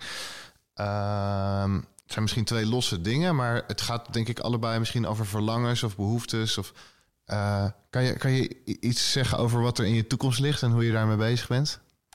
Ehm, ja, zeker. Zeker. Ja, ik ben sowieso iemand eh, die eh, alles interessant vindt. Mhm. Heel veel interessant vindt. Dus eh, ik kan dan ook echt als een spons, zeg maar, dat alles daarvan in me opnemen of opnemen en, en eigen maken. Ik kom wel altijd weer terug bij die, die rode draad, die kern. Dat is verhalen, verhalen vertellen. En ik zie het zelf eigenlijk zo dat ik nu het verhaal vertel van een bijzondere plant, van cannabis. Ehm, ik zie mezelf dus niet bijvoorbeeld als een toekomstige bioloog of herbalist of dat. Eh, Ik zie mezelf echt als. Nou, eh, het is onderdeel van mijn missie om eh, nu dit verhaal te vertellen. Mhm. En eh, als dat zijn werk heeft gedaan, ehm, dan wil ik vooral dat het verhaal wordt van andere mensen. Mhm. Hoe het hun helpt. En dat zij dat dan, dat ik hen dat podium ook geef. En dat ik dat is echt met heel Mary mijn doel. Ehm, en zodat dat, dat al die andere vrouwen eh, hun verhaal delen en daar weer andere, andere mensen mee eh, inspireren. het Ja, woord dat- wat je niet mag gebruiken. Dat doe je gewoon, hè? Nou, inspireren Nee, is, adem geven. Dat, ja. Letterlijk wat het betekent. En ehm, Dus ik vind dat je het mag gebruiken. Oké. Vooral het over dingen hebben die over de long gaan. Ja. Ehm, en, en reizen, ja, reizen, dat is echt, het zit, dat zit niet alleen in mijn DNA, maar dat staat ook echt, het staat in mijn human design als, als, als purpose eigenlijk, hoe ik eh sens maak van dingen, maar ook hoe ik, ehm, wat ik moet doen. Ik weet niet of jullie bekend zijn met human design. Ja, dus in mijn gene keys en in mijn human design ben ik de wanderle, one, eh, wanderless storyteller. Dus door middel van verhalen, transformatieve verhalen en nieuwe ervaringen opdoen, eh, kan ik mensen eh, iets meegeven. En eh, ja, dat, dat is eigenlijk wat ik moet doen. Ik kwam er nu ook achter dat het ook staat in, in, in mijn design vanuit, eh hoe heet het, de Key, Nine Key van ehm, eh, Feng Shui Zat het ook in, in, in, in, in mijn centrum, het reizen. Eh, en dan heb je natuurlijk ook nog dat je natuurlijk altijd meer op je ouders lijkt dan je, dan je zou willen.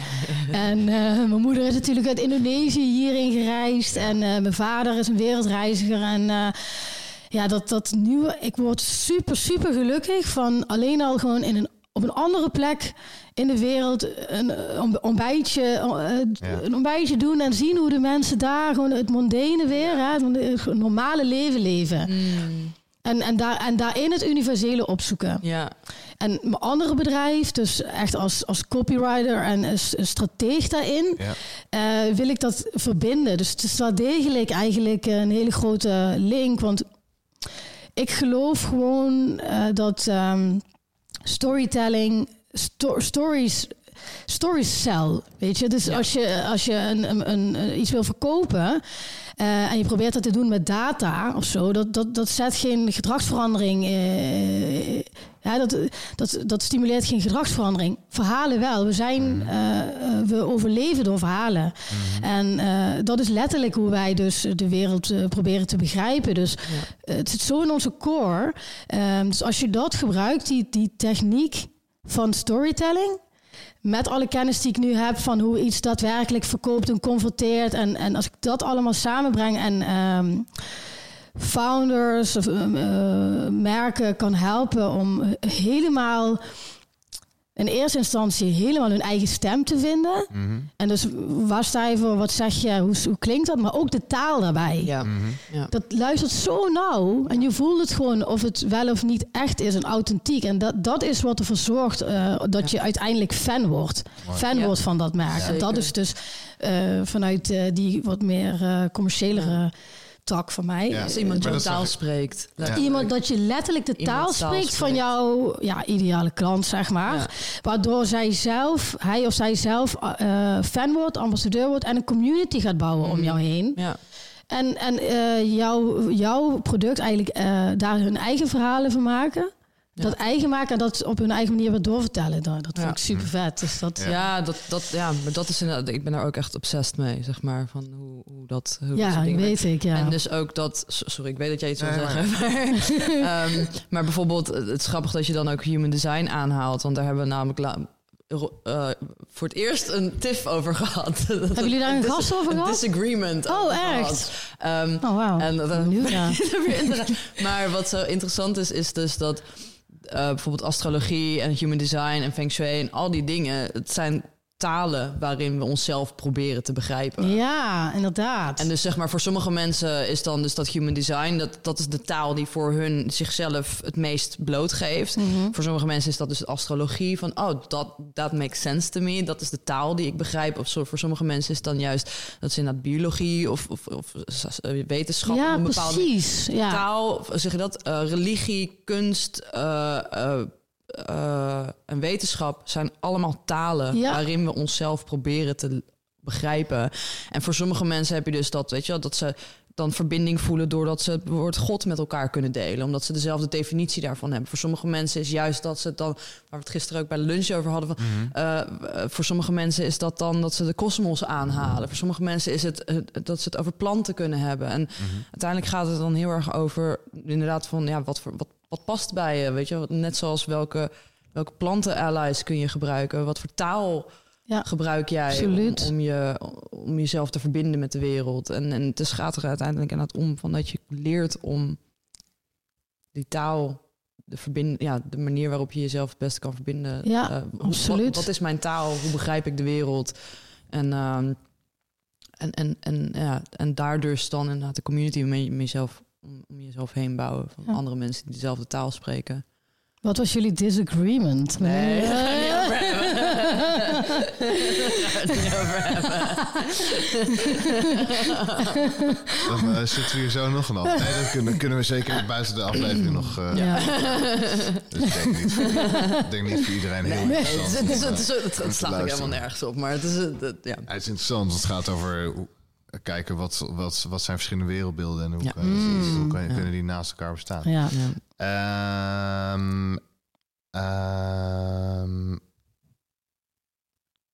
voordat we begonnen, eh, heb jij een paar dingen genoemd van hier zou ik het wel over willen hebben. En die zijn volgens Mhm. mij allemaal behoorlijk aan bod gekomen. ja. Eh, Behalve dat bevallen een psychedelische trip is. Volgens mij. ja. Eh, wil je er nog op Ja, dat, vind ik, dat wil Ja. ik nog wel. Want we hebben het natuurlijk over uit, uit je schulp en in je schulp. Ja, En het eerste waar ik aan moest denken is ehm, bevallen. Is zoiets kwetsbaars. Iets, iets waar wij je zo erg uit, uit je schulp en tegelijkertijd in je schulp moet. Ehm, en het doet mij op zoveel manieren denken aan psychedelische trips. Want je mind en je mindset, eh, sorry, je eh, setting en je mindset bepalen alles. Bepalen of het een bad trip wordt of een, of een, of een, of een fijne trip. En met bevallen heb je natuurlijk ook niet alles in de hand. Maar als jij een, eh, een low risk, dus normale eh, geboorte of bevalling hebt.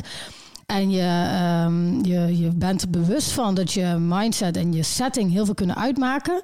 Dan heb je veel meer kans, wetenschappelijk gezien ook echt, op een eh, fijne, zachte eh, bevalling. ja dat En- kan ik, kan Ja, ik me helemaal 100% voorstellen.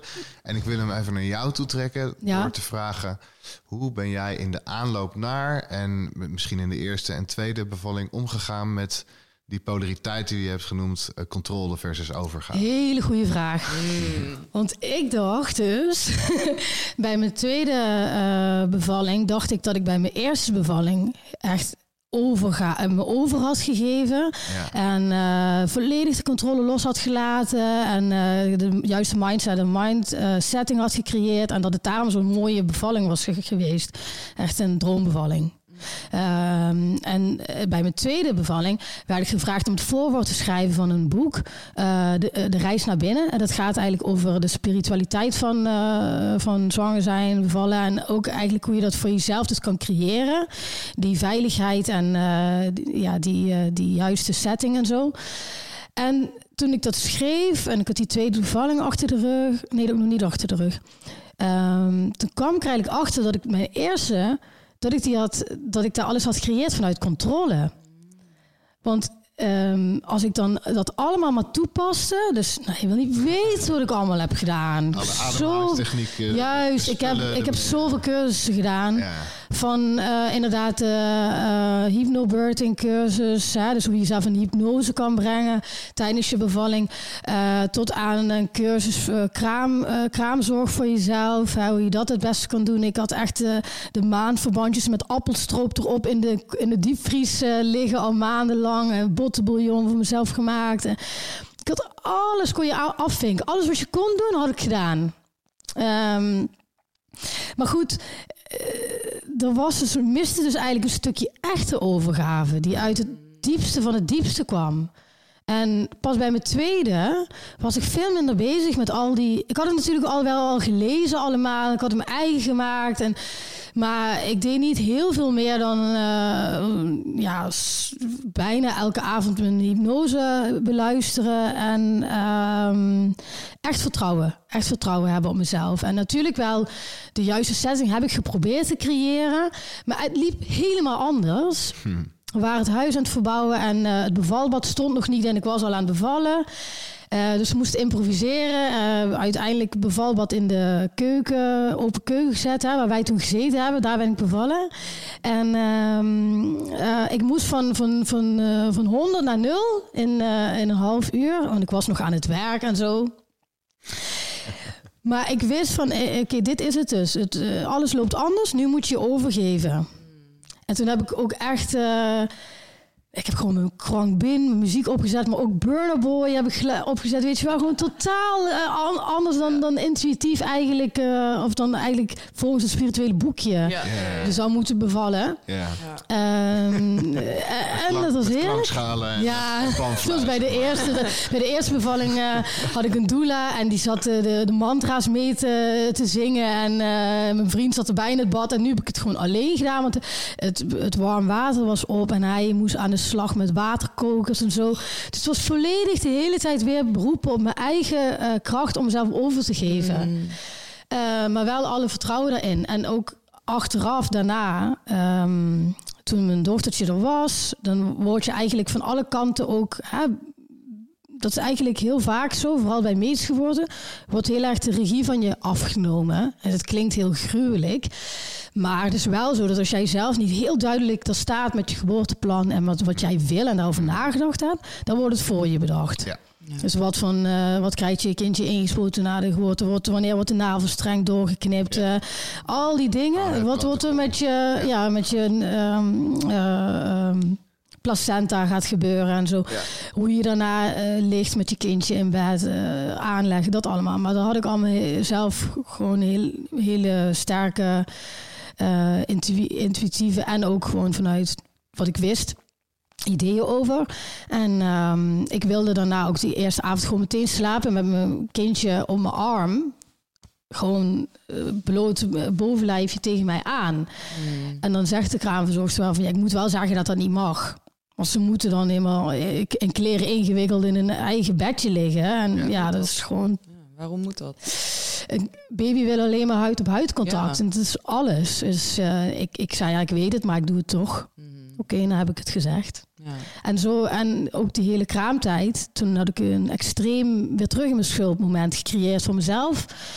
Um, omdat het overal ter wereld de traditie is uh, dat uh, als je een, als een baby wordt geboren, wordt ook een moeder geboren. En mhm. die, die, die landing in het nieuwe leven is zo bepalend voor je baby, maar ook voor jou. En het is super belangrijk om daarin jezelf te beschermen, af te schermen. Je hebt in heel veel culturen hebben ze daar hun eigen woorden voor. Dus ja, dat je de wind niet binnen moet laten in je lichaam, omdat je hebt letterlijk een gapend gat, de grootte van een bord mhm. in je, in je baarmoeder. En ja, ik heb bijvoorbeeld dat dan afgeschermd met door me te laten inbinden. Maar het kan ook minder ouderwets. Je kan ook een buikband omdoen. Maar ook uh, kraamvisite gewoon, nee, uh, gewoon op afstand gehouden. Dus niemand toegelaten. Eerste zes weken. Uh, alleen mijn schoonouders kwamen één keer kort, maar die kon ik hebben.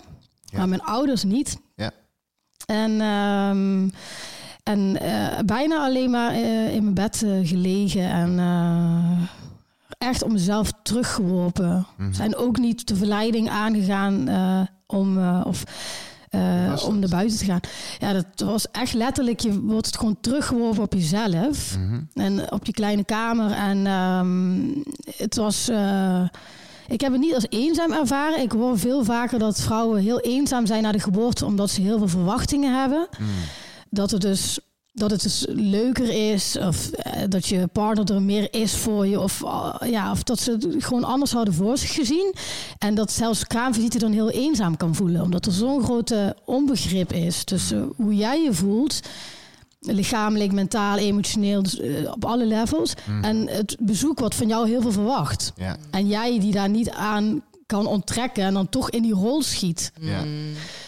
Um, en ik heb me daar gewoon scheid aan. Ja, soms is dat de beste instelling. En ik heb, ben echt uh, daardoor... Dan is het even een investering. Heb je, er, heb je er leren scheid te hebben na je eerste bevalling? Of heb je dit bij beide bevallingen Nee, ik had het bij mijn eerste bevalling ook heel goed uh, afgebakend. Ja.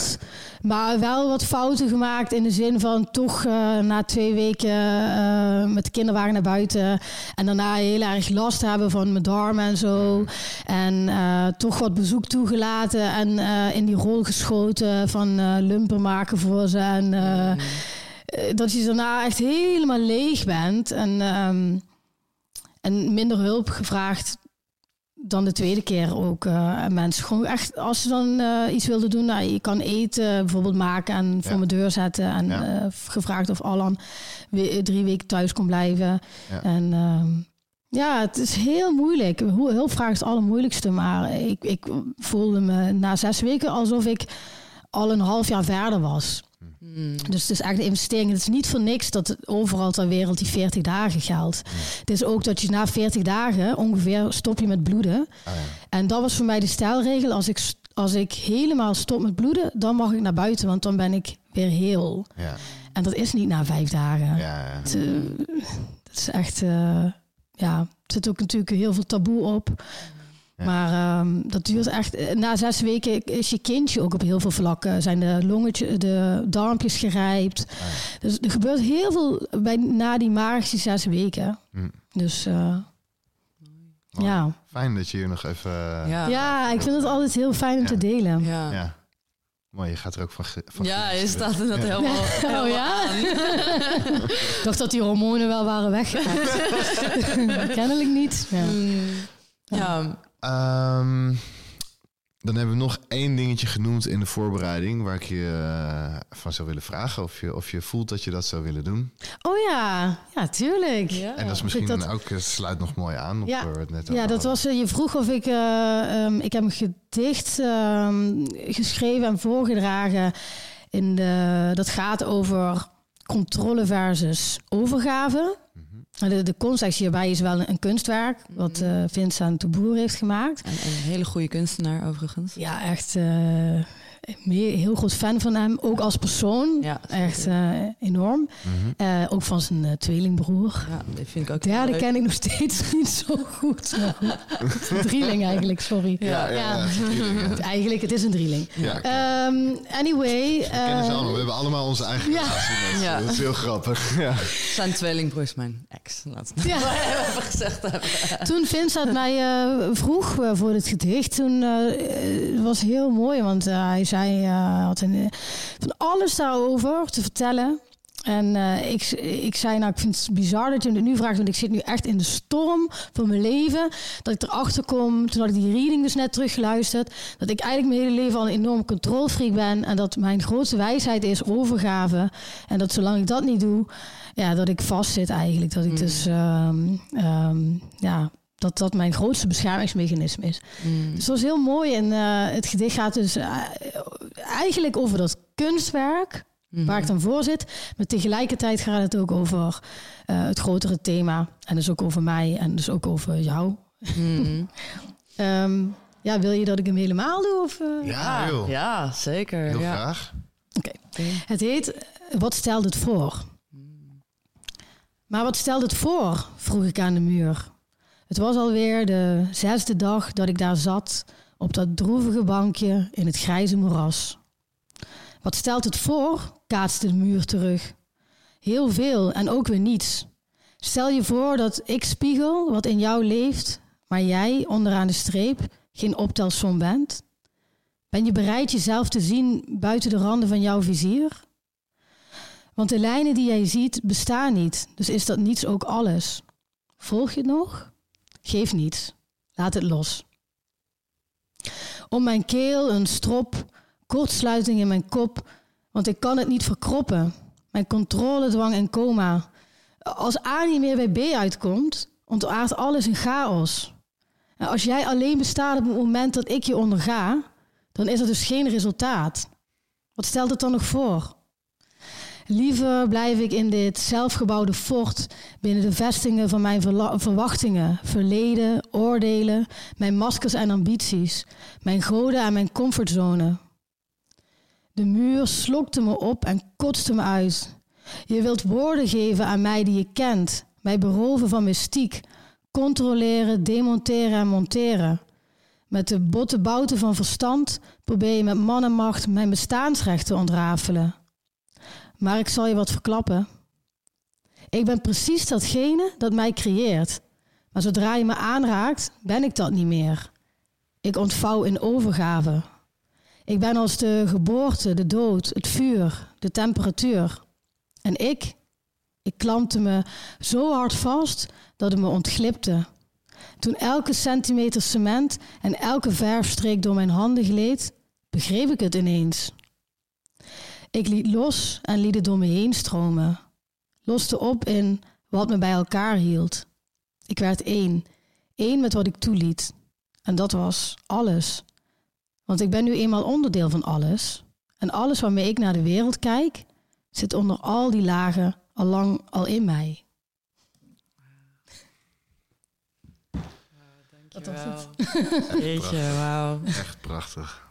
Dank je. Ja, heel mooi. Denk je dat je met, met ons wil delen? Ja, het kwam uh, echt uit mijn kern. Ja, dat voel je ook. Toen dat ik het schreef. Ja. Wauw, heel mooi. En tegelijkertijd, dat is ook alweer wat we straks ook al hadden om het af te sluiten, zou het nu heel moeilijk zijn om hier weer bij te komen. Mhm. Mm. Dus uh, dat is elke keer weer die, die les. En dan maak ik hem honderd keer dezelfde fout om het niet op te schrijven in het moment waar ik doorheen ga. Mm. Dat herken jij. Ja. Is het wel uh, de wijsheid om dat te blijven doen. Ja. Ook al ben je moe en, uh, ja. en alles. Ja. Mooi. Toch? Wil jij daar nog iets over zeggen? Uh, nou ja, ik denk dat uh, wat, ik, wat ik eerder zou willen doen, is want dit, dit, we neigen nu naar het einde inderdaad. En uh, daar zit eigenlijk al een soort van advies in voor onze luisteraars. Okay. We vragen meestal nog even van als jij aan mensen kan vertellen of een tip kan geven of advies kan geven over, over hoe je uit je schulp kan komen. Dat is hem. Dat is hem. Alles in het hier en nu opschrijven, precies Ja. hoe jij de dingen doorleeft. ja.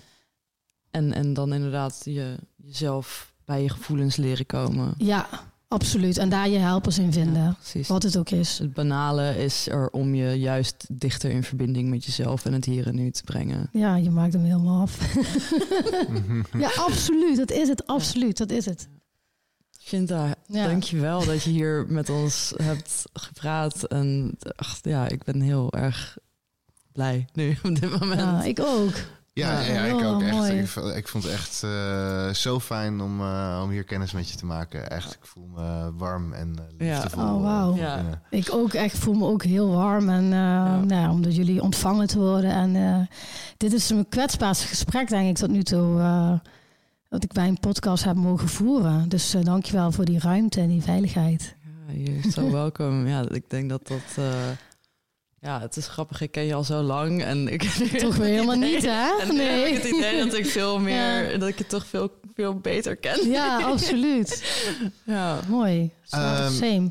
Lieve schulpdieren, eh, jullie kunnen Shinta vinden We zetten eh, de op show uh, notes. healmary.nl. Eh, ja, CBD-bedrijf. At Sinta Lampers ook. En At Story of My Life is, bestaat die Ja, nog? ja, ik moet even, ja, die bestaan nog wel. Maar staat, ik, Mm. ik, moet- ik Nou, we vind het we meest een transformatie. Ja, we notes. At Sintalampers.nl, Ja. at Ja. dan at Ja. The Real Heal Mary, ja. Ja, die Ja. zetten we erin eh, in de show notes. Zoek erop voor meer van dit soort eh, prachtige teksten en eh, eh, geest- en levensverruimende eh, producten. Ja.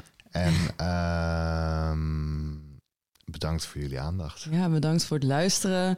Ehm, als je deze aflevering mooi eh, vond, eh, dan eh, stuur het door naar iemand. Als je weet van iemand kan dit goed gebruiken, deze informatie. Eh, ken je mensen die dichter bij zichzelf moeten komen of die moeten leren om zich over te geven, een adem te halen? Stuur het door. Ehm, bedankt voor het luisteren. Kom met ons praten ook op Instagram. Eh, moeten wij over het live event iets zeggen? Live event? ja. ja, want Ehm, we, ja, op 20 mei is er een live event. Ja. En het kan zijn dat deze aflevering dan nog niet is dan nog niet is gepubliceerd. gepubliceerd. Nee, oké, nou goed. Dat Ehm, dan knippen we dit stukje er wel af. ja.